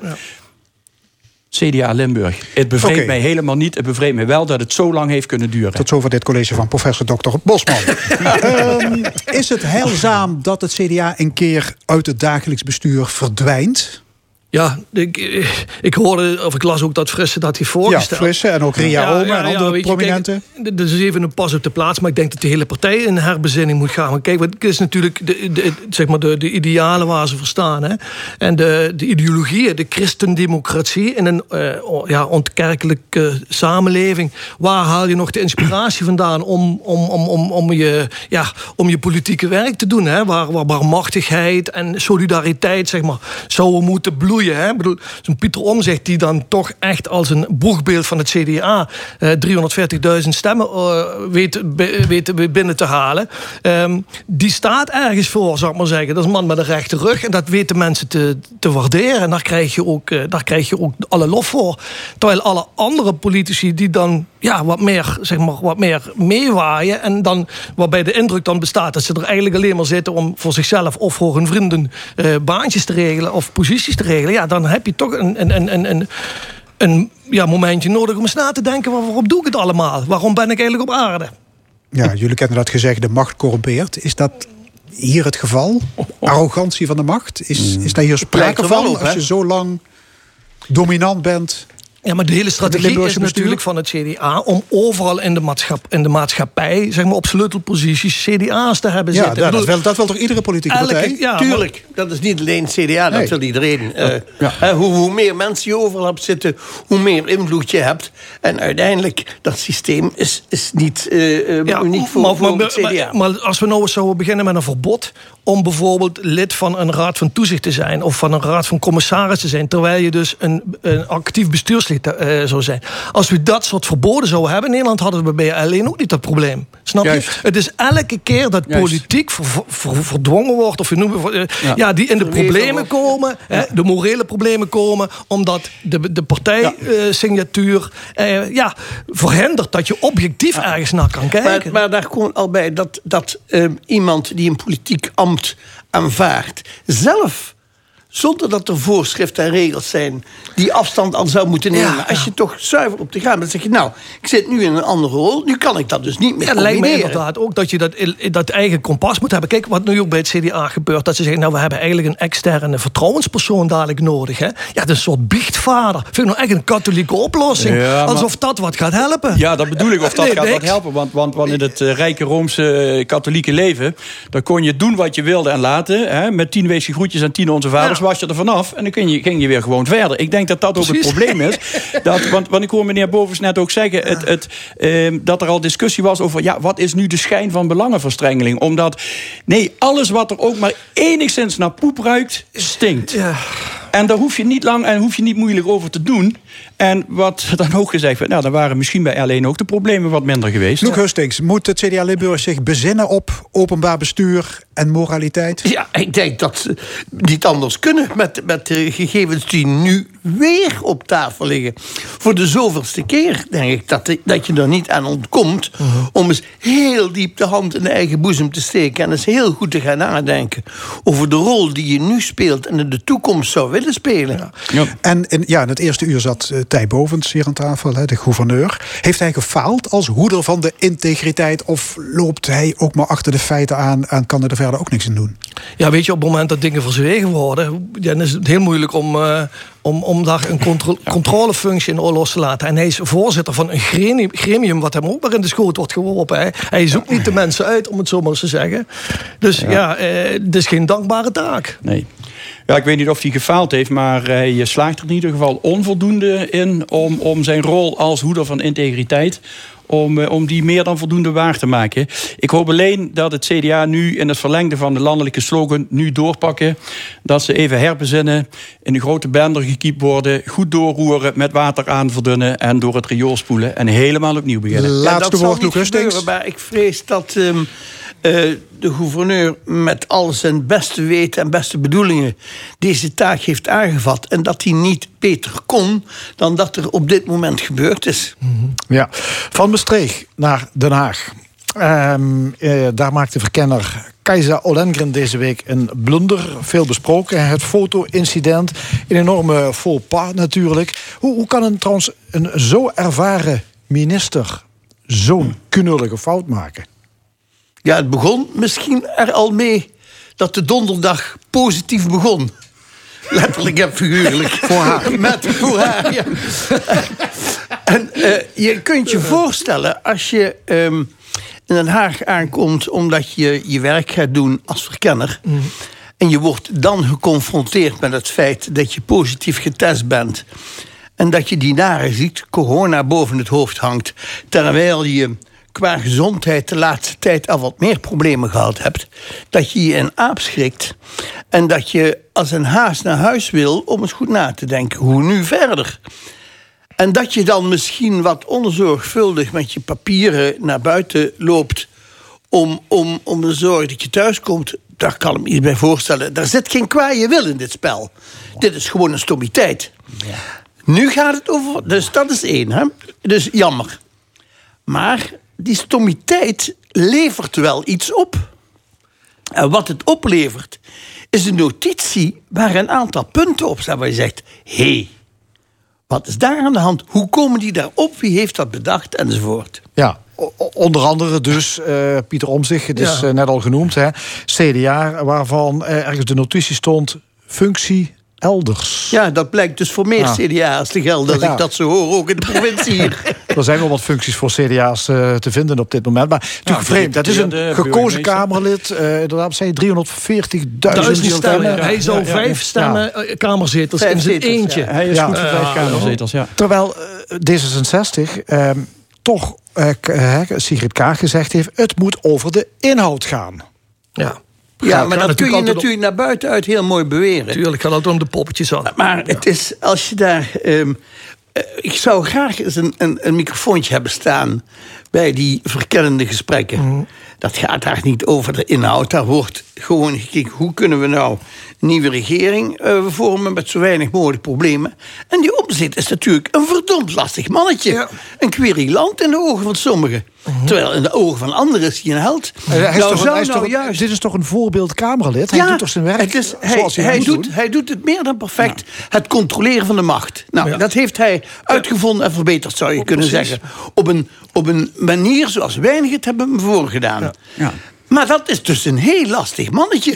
Ook voor de regering die aan de andere kant van de lijn zit. Maar ook voor zijn eigen partij, het CDA. Want als Ja, ik als je dus zie dat- kabinet laat vallen waar jij geen partij in zit. Ja, dus, dus hij, is, hij, is, hij is eigenlijk zo'n beetje de persona non gratia in, eh, binnen de CDA geworden. Terwijl iedereen wel ziet van, hé, hey, verdomme, die man is wel een uh, staanbetrekker van hier tot Tokio. Maar die lijn is niet gevoerd. Hij is ook niet in de verkiezingsstrijd op de een of andere manier eh, gepositioneerd. Zit nu met een burn-out thuis. Nou, ik zou ook met een burn-out thuis zitten, eerlijk gezegd. Ik zou Ja. zeggen, weet je wat jullie me kunnen met die partij? Dat Ja, zou en ik ik geloof, ik, ik, ik, Ik geloof me ook, ja, ik Maar geloof ook niet zoals, of, eh, zoals Luc zegt van, van eh, een, een, eh, een stommiteit. Ik bedoel, is, is natuurlijk heel vervelend als mevrouw Ollengren... Dat Je bedoelt dat ze- papiertje dat dat papiertje, was. dat is gewoon bewust. Als je, ja, zeker. Maar dat zou ik echt slecht vinden. Als je, nee, nee, nee, nee. Dat is strategie wat erachter zit. Dat is gewoon strategie. Hetzelfde als Kaag die op een tafel staat te springen... waar al een hele avond een fotograaf voor een paar tientjes ingehuurd is... om het, het perfecte plaatje te knippen. Dit is strategie. Je kunt... Wat, wat schiet D66 hier dan mee op? Eh, omdat ze eh, eh, de hele discussie, de hele discussie die gaat alleen maar om dat ene zinnetje Pieter Omzicht functie elders. Oftewel kal stellen. Die willen we er niet bij hebben. Die willen we er gewoon niet bij hebben. Alles wordt nu afgeleid van de, van de, van de formatie. En alles gaat nu daarom. Dat gaat nu daarom. De, eh, we hebben nu al anderhalve week eh, hebben al een soort van rustpauze wordt, er, wordt er al genomen. Ze hebben twee nieuwe verkenners benoemd. Je merkt in, de, in, het, in het voorveld dat er wat, wat, wat spanningen zijn tussen Rutte en tussen Kaag om eventueel ja 21 erbij te pakken. Omdat strategisch gezien vanwege de Eerste Kamer zetels die ze hebben dat het heel slim is. Maar dat zou eigenlijk alleen maar de enige meest redelijke kabinetsformatie zijn.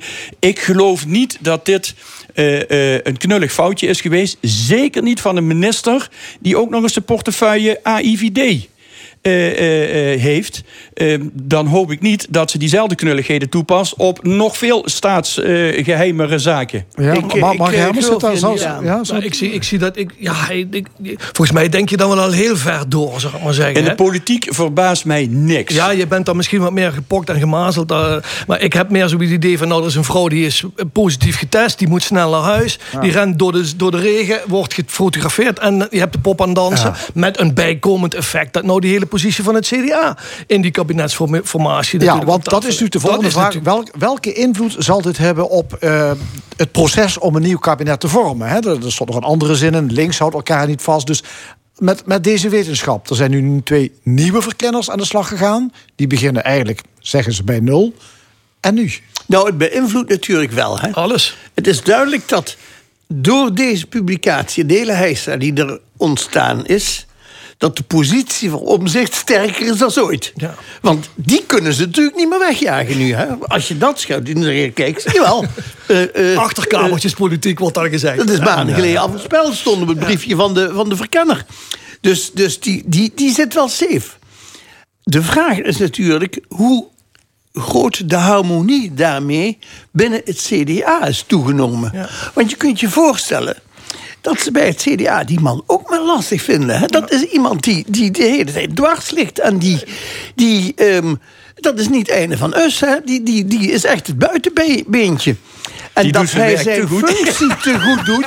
Daar moeten we Ja, vanaf. hij doet Dat is zijn geen, werk eh, goed, geen dat vriend van de. Republiek. Nee, dat was niet de Nee, bedoeling. dat is zeker werk zo goed. is. Maar daar komen we, daar komen we Die gelijk... zouden Ja. zelfs gedeputeerde Limburg moeten aanstellen. Ja, samen bijvoorbeeld. met Ja, Martijn nou, van dat was het zo Helvert. Maar, Maar- maar, maar, maar- maar maar- brengt dit nou... zal ik maar zeggen, het ging over het proces. Hè, jij zegt van het CDA zal zich hier nu nog eens achter de oren krabben of ze gaan instappen? Ach, die blijven zo lang mogelijk wachten. om uiteindelijk gebeden, gebeden en gesmeekt te worden. Als je, of ze alsjeblieft willen meedoen. Want je kunt je voorstellen dat na vier jaar regeren. en dat is toch redelijk goed gegaan, dat ehm, Rutte, die uiteindelijk zo'n ploeg moet leiden, zegt: met dat clubje waar we mee gedaan hebben, daar hebben we het redelijk goed mee kunnen doen. Wat mij betreft kunnen we daarmee doorgaan. En als we die jongens weer opnieuw bij elkaar gooien, dan hebben we dat zo rond. Als je opnieuw een combinatie moet gaan maken, ja, dan wordt het wel weer heel lastig. Hè? Want het is natuurlijk zo dat met zoveel verschillende partijen... om een solide meerderheid te hebben in de Eerste Tweede Kamer... dat Die is solide, die solide meerderheid die ligt er al, alleen men durft daar nog niet aan. Als je echt praat over democratie, parlementaire democratie, dan is het gewoon heel eenvoudig. Dan pak je alle, dan pak je alle zogenaamde rechtse, rechtsgeoriënteerde partijen pak je erbij. En dan heb je een forse meerderheid. Ja, dan pak je. eh, dan heb je Hebben de, ze zich daar niet al een keer de broek mee gescheurd? met die PVV-toestand. Dat, dat maakt mij niet uit. Maar wil, Nee, je, maar hun re- misschien wil, wel. wil je recht doen aan de democratie, waar wij in Nederland toch heel prat op gaan, dan, dan is het zo geregeld. Dan is het zo geregeld. Dan, dan heb je VVD, dan heb je D66 erbij als, als, als tweede grote winnaar. Dan pak je de, de, de PVV, dan pak je erbij de Forum voor Democratie en eventueel jaar 21. Tot zover het droomkabinet Ja, van Kort. We hebben nog twee minuten voor het rapport Stalbranden. Eh, dat onderzoek was eh, hoog nodig, eh, aangezien ieder jaar 143.000 dieren omkomen bij een stalbrand. Conclusie van het rapport: kabinet en boeren nemen te weinig maatregelen. De winst prevaleert boven dierenleed. Wat vinden jullie? Ja, ik, Mark Hermans. ik- ja, ik vind het diep triest om te, om te horen dat er zoveel dieren... Oh, kijk, dat je denkt, oh, ik had er helemaal geen beeld bij... voordat ik dat eigenlijk dat nieuws las. Ja, tussen 2012 en 2020 1,3 miljoen dieren Ja, verbrand schrik- of gestinkt. Dan schrik je toch wel van. Maar die dieren kunnen natuurlijk geen kant op. Hè? Maar we hebben natuurlijk ook echt een dierentuin in Nederland. Hè? 110 miljoen kippen, 17 miljoen runderen en varkens. Ja, eh, 70.000 stallen. Ja, eh, ik bedoel, eh, het is natuurlijk een mega, mega industrie. En dan gaat het natuurlijk zo om het zo goedkoop mogelijk produceren. Ja, en brandveiligheid en eh, sprinklerinstallaties. Ja, dat kost natuurlijk allemaal geld. Hè? Dus dat stellen we zo lang mogelijk uit. Maar het is toch treurig dat Ja, bedrijfseconomische aspecten prevaleren boven Ja, er, staat natuurlijk, er boven komt natuurlijk bij dat een, een, een, een eh, ondernemer, een landbouwer, een vee, veehouder... die zet niet in om zijn veestapel te laten opbranden. Die doet zijn uiterste best om dat zo goed mogelijk te regelen. Die hoopt dat natuurlijk nooit dat dat gebeurt. Houdt daar in feite ook rekening mee. Het is geen opzet. Nee, absoluut niet. Dus, ehm, en dat je alles Maar veel de conclusie beter... van dat rapport is dat de boeren veel te weinig maatregelen nemen.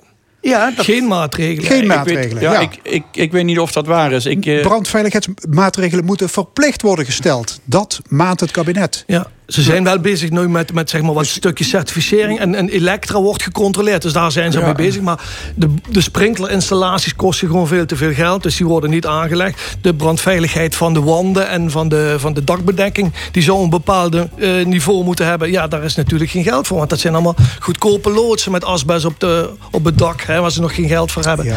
Dus We moeten eruit. Helaas, onze tijd is op. Hartelijk dank, discussiepanel Cor Bosman, Loek Hustings, Mark Hermans.